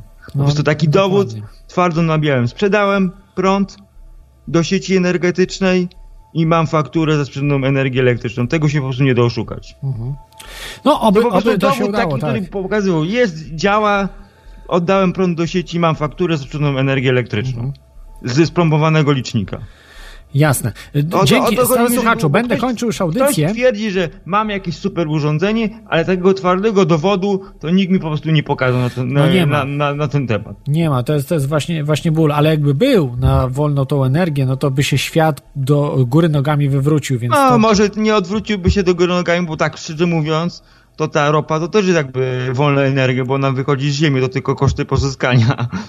No tak, ale, Więc- ale ona się kończy, a chodzi o to, że Ale, ale wolna to się energia- kończy, wiadomo, wiadomo, ale... ale Na przykład energia słoneczna się nie kończy, prawda? No, Nie, energia słoneczna się nie kończy. To Na pewno nie sło- naszego życia. Życie, życie na Ziemi zginie, a energia słoneczna jeszcze długo, długo po e, śmierci życia na planecie zginie, bo Słońce z każdym po, po milion lat o, o 2% zwiększa e, ilość dostarczonej energii. A więc zwiększa teraz. Zwiększa. A, zwiększa. co, co pół miliona lat e, Słońce redukuje więcej, więcej energii dostarcza na minutę, bo on zwię, zwiększa się szybkość reakcji.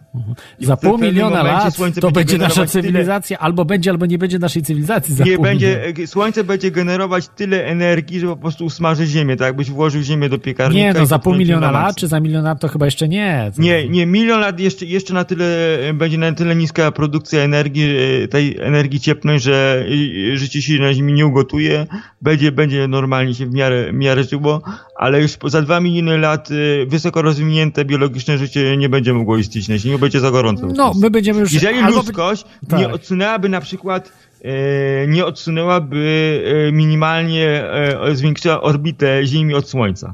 Bo w ten sposób jakbyśmy byli zaawansowani, to moglibyśmy powolutku odsuwać Ziemię o kilka e, stopni od Słońca, po prostu utrzymując e, się we właściwej odległości od Słońca, żeby właściwą temperaturę mieć na Ziemi. No i tak by nas albo, tylko jest jeszcze lepsza, lepsza sprawa, że y, produkuje się tak zwane y, y, sfery Dysona, czyli po prostu otacza się Słońce specjalnymi strefami, które dużą część promieniowania blokują i, Tak, i energię chłodniej. pozyskują ze Słońca, z całego Tak. Słońca, nie tylko z Ziemia to jest 2%, tak? To jest nie, nie, Nie, mówię, dokładnie to jakiś, nie, jakiś ja panu ułamek powiem. w ogóle. y, Tak, dokładnie nie.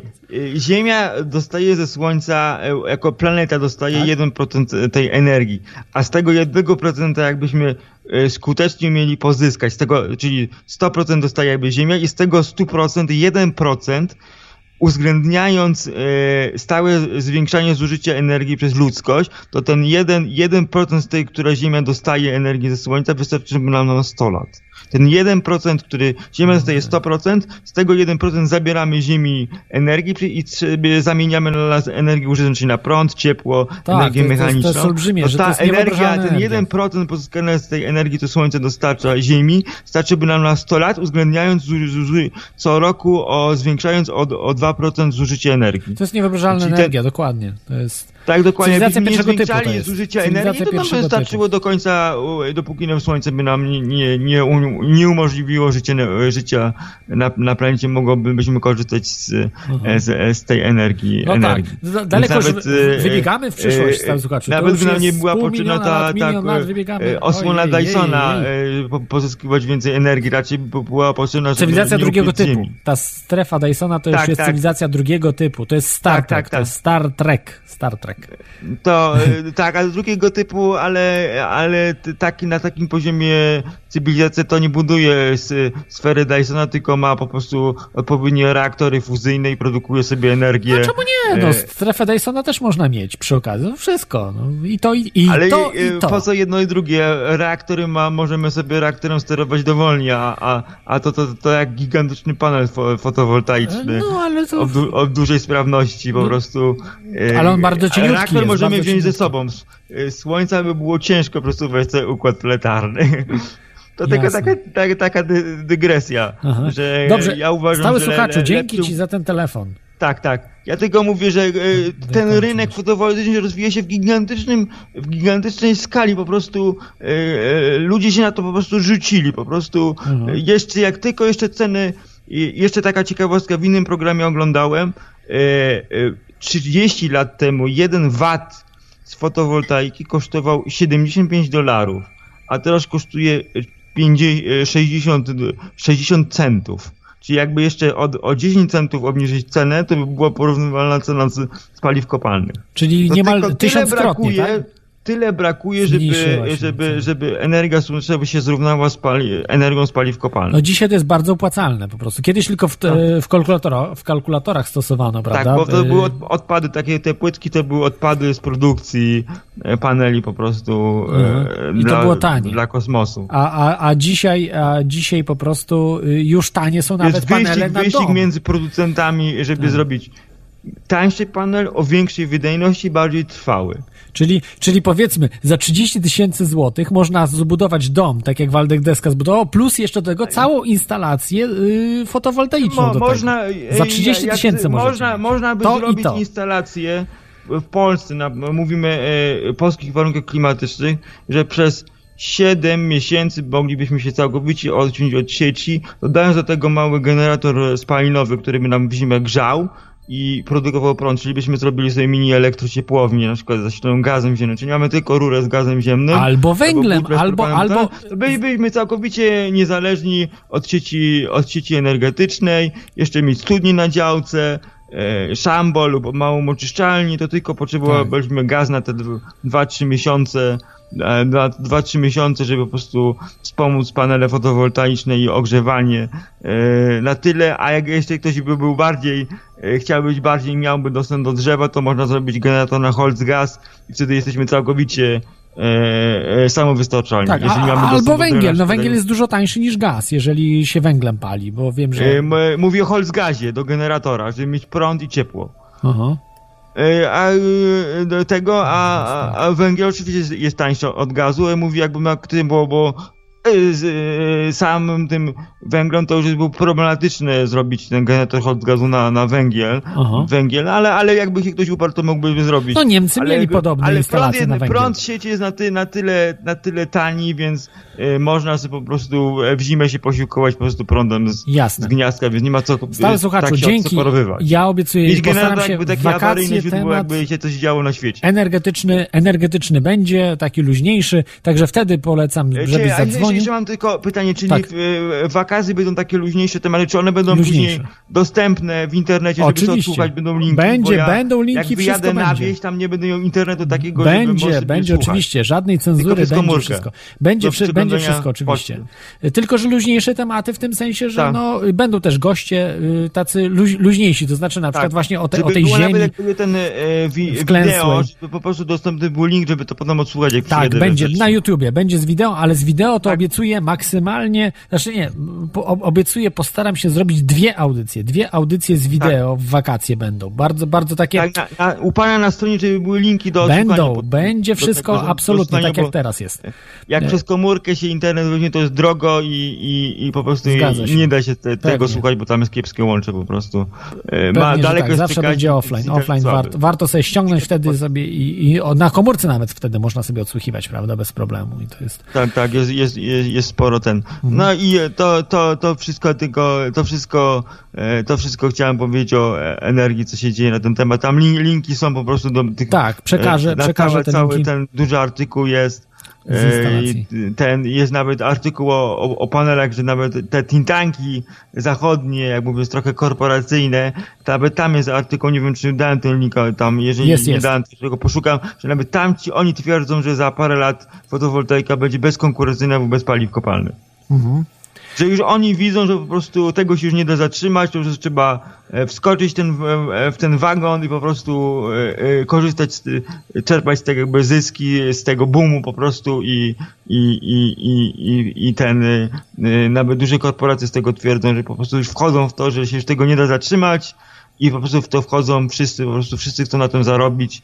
E, Wykorzystać ten boom po prostu ogromny po prostu na świecie. Tak, tak i To no tak powinniśmy się... energetyka obywatelska, po prostu umożliwić po prostu... Decentralizacja, dokładnie, to Tak, jest fajna decentralizacja. Producenci odporni na odłączenie na rynek, systemu. na ten rynek, na ten rynek. Y, Ja się panu powiem, y, y, Niemcy zaczęli dotować domowe magazyny energii. W ciągu dwóch lat cena magazynu energii spadła o 20%. Mhm. Czyli e, były dotacje i po, y, rynek się rozkręcił i ceny automatycznie spadły y, y, tych domowych magazynów energii. Kolejni mówią, że będą jeszcze tańsze. No tak. Ktoś opracował jakieś super baterie, które będą tańsze o 50%. Nie, nie dwa kroki do przodu, nie free energy, ale jednak ta y, energia odnawialna to jest jeden krok do przodu. opracowała akumulatory, które będą e, 50% tańsze litowo-jonowe. Mhm. E, 50% tańsze i jeszcze łatwiejsze w recyklingu, po jak się zużyją po tych dwu- 20 latach. Tak, tak. Właśnie tego linka Więc, widziałem, wrzuciłem. wie- a, a przecież e, energia słoneczna to jest free energy, tylko jeszcze dodając magazyn energii mamy 24 godziny dobę, więc jesteśmy free energy w tym momencie. Jak No. dodamy magazyn energii, to mamy, jesteśmy t- 24 godziny na dobę, jesteśmy wtedy free energy. No, Jak dodamy magazyn energii. no magazyn energii, tak. To się to, to tak, jeżeli mogę dodamy się zgodzić. energii, Tak. to jesteśmy free energy 24 godziny na dobę. Tak, wtedy tak. Wtedy w, te, w tym systemie wtedy, że więcej energii wtedy po, y, ze słońca uzyskujemy, ale magazynujemy je w bateriach, prawda, nadwyżki. I wtedy a później po prostu Tak. wykorzystujemy, mamy 24 godziny na, na, na, Wtedy na jest, dobę. wtedy, wtedy jest Ja, jak ja, ja najbardziej. północ miałem, zużyłem jedną kreskę baterii, ale przełączyłem w nocy się na ten, ale spokojnie by to wystarczyło na całą noc, żeby Mhm. napędzić lodówkę i ten, to, to jak człowiek śpi. Pewnie. Jeszcze do tego można dołożyć wiatraki, może nie w Polsce, ale tutaj w Oczywiście. Irlandii wieje słabo, i- zachmurzenie i duże, hybryda. deszcze, więc tutaj y, wiatraki są korzystniejsze, bo cały czas wieje. Jeszcze, prawda? jeszcze pracują, e, wiem, że pracują, e, jak są płytki Peltiera, bo one mają tam 5% sprawności, ale ktoś kombinuje, żeby jest jakaś możliwość, żeby miały sprawność e, 20%. Czyli normalnie mamy kocioł centralnego ogrzewania, on normalnie bezpośrednio grzeje tą płytkę Peltiera, a tą drugą stroną zimną jest nasz układ centralnego ogrzewania. Czyli sobie palimy na przykład drewnem, czy tam czymkolwiek i jednocześnie grzejemy sobie mieszkanie i produkujemy sobie prąd w zimę. No, sprytne, Be, bez turbiny parowej. Jest to 20% czy 15% e, sprawności, ale to jest przy- okazji normalnego ogrzewania. E, To, to, też jest, to też będzie, e, połączmy to z panelami, na przykład e, kolektorami, czyli załóżmy sobie te płytki w kolektor, czyli produkujemy jednocześnie ciepło i, i, i, prąd jednocześnie. Jasne. E, Odbiegliśmy od tematu bitcoinów y, teraz, stały słuchaczu, ale dobrze, na, na koniec właśnie te y, y, sprawy właśnie e, techniczne, energetyczne, bo to jest, to jest bardzo ważna, wa, ważna, ważna sprawa. No, y, dam tego linka, pokażę jak właśnie ty masz tą wykonaną instalację. No i dziękuję ci, dzięki, dzięki ci za Jeszcze, ten jeszcze, telefon. jeszcze, jeszcze jedna rzecz. Je- Jeżeli pan tam e, film Pandora obejrzał w latach 60., tylko nie wiem, politycznie to zostało zatrzymane.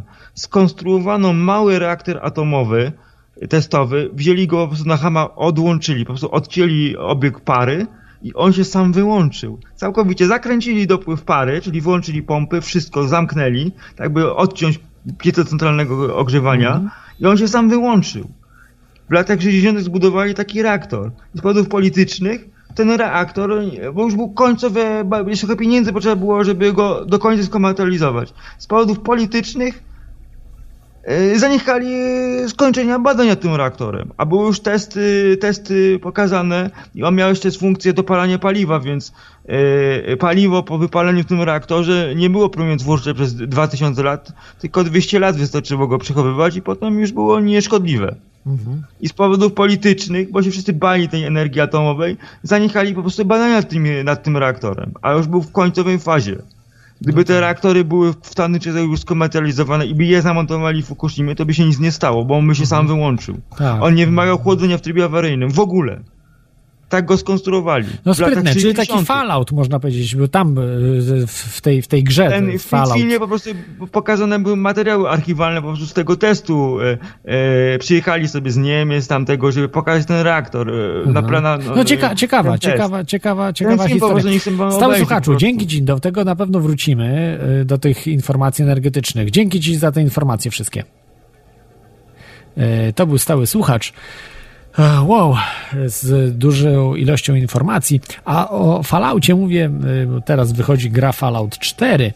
Powtórka no, y, z rozrywki, z tych, powrót do tych trzech części wcześniejszych gry Fallout i ona właśnie była oparta na tym, na energii atomowej. Ona jest oparta i tam samochody na atom są, prawda, instalacje domowe na atom i tak dalej, i tak dalej. No oczywiście po wojnie atomowej mm, w tej grze e, wcielamy się w, w, w bohaterów i, i no, tworzymy różne rzeczy, ale, ale w klimat jest właśnie, że tam był świat oparty na atomie, na energii atomowej.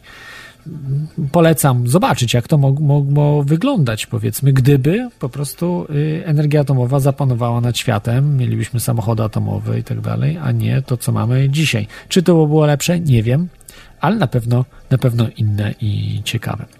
Także y, dzięki, że byliście dzisiaj. Będę już y, powoli, y, właściwie powoli, bardziej szybciej niż powoli kończył. To była audycja Teoria Chaosu. Dzisiaj rozmawialiśmy o Bitcoinie, ale pod koniec, w drugiej części też o energii.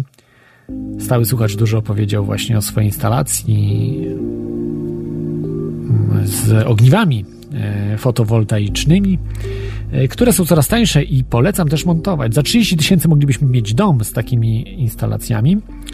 E, No, Waldek Deska pokazał, że można tanio wykonać dom. Stały słuchacz pokazał, że tanio można wykonać instalację właśnie tych e, paneli fotowoltaicznych, mieć prąd za darmo. No cóż, miejmy nadzieję, w przyszłości się to wszystko łatwiej będzie montowało. Trzymajcie się, miłego weekendu, cześć!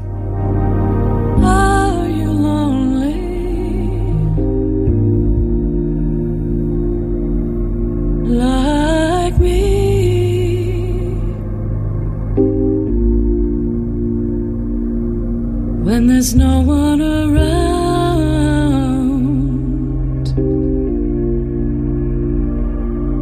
for you to talk with.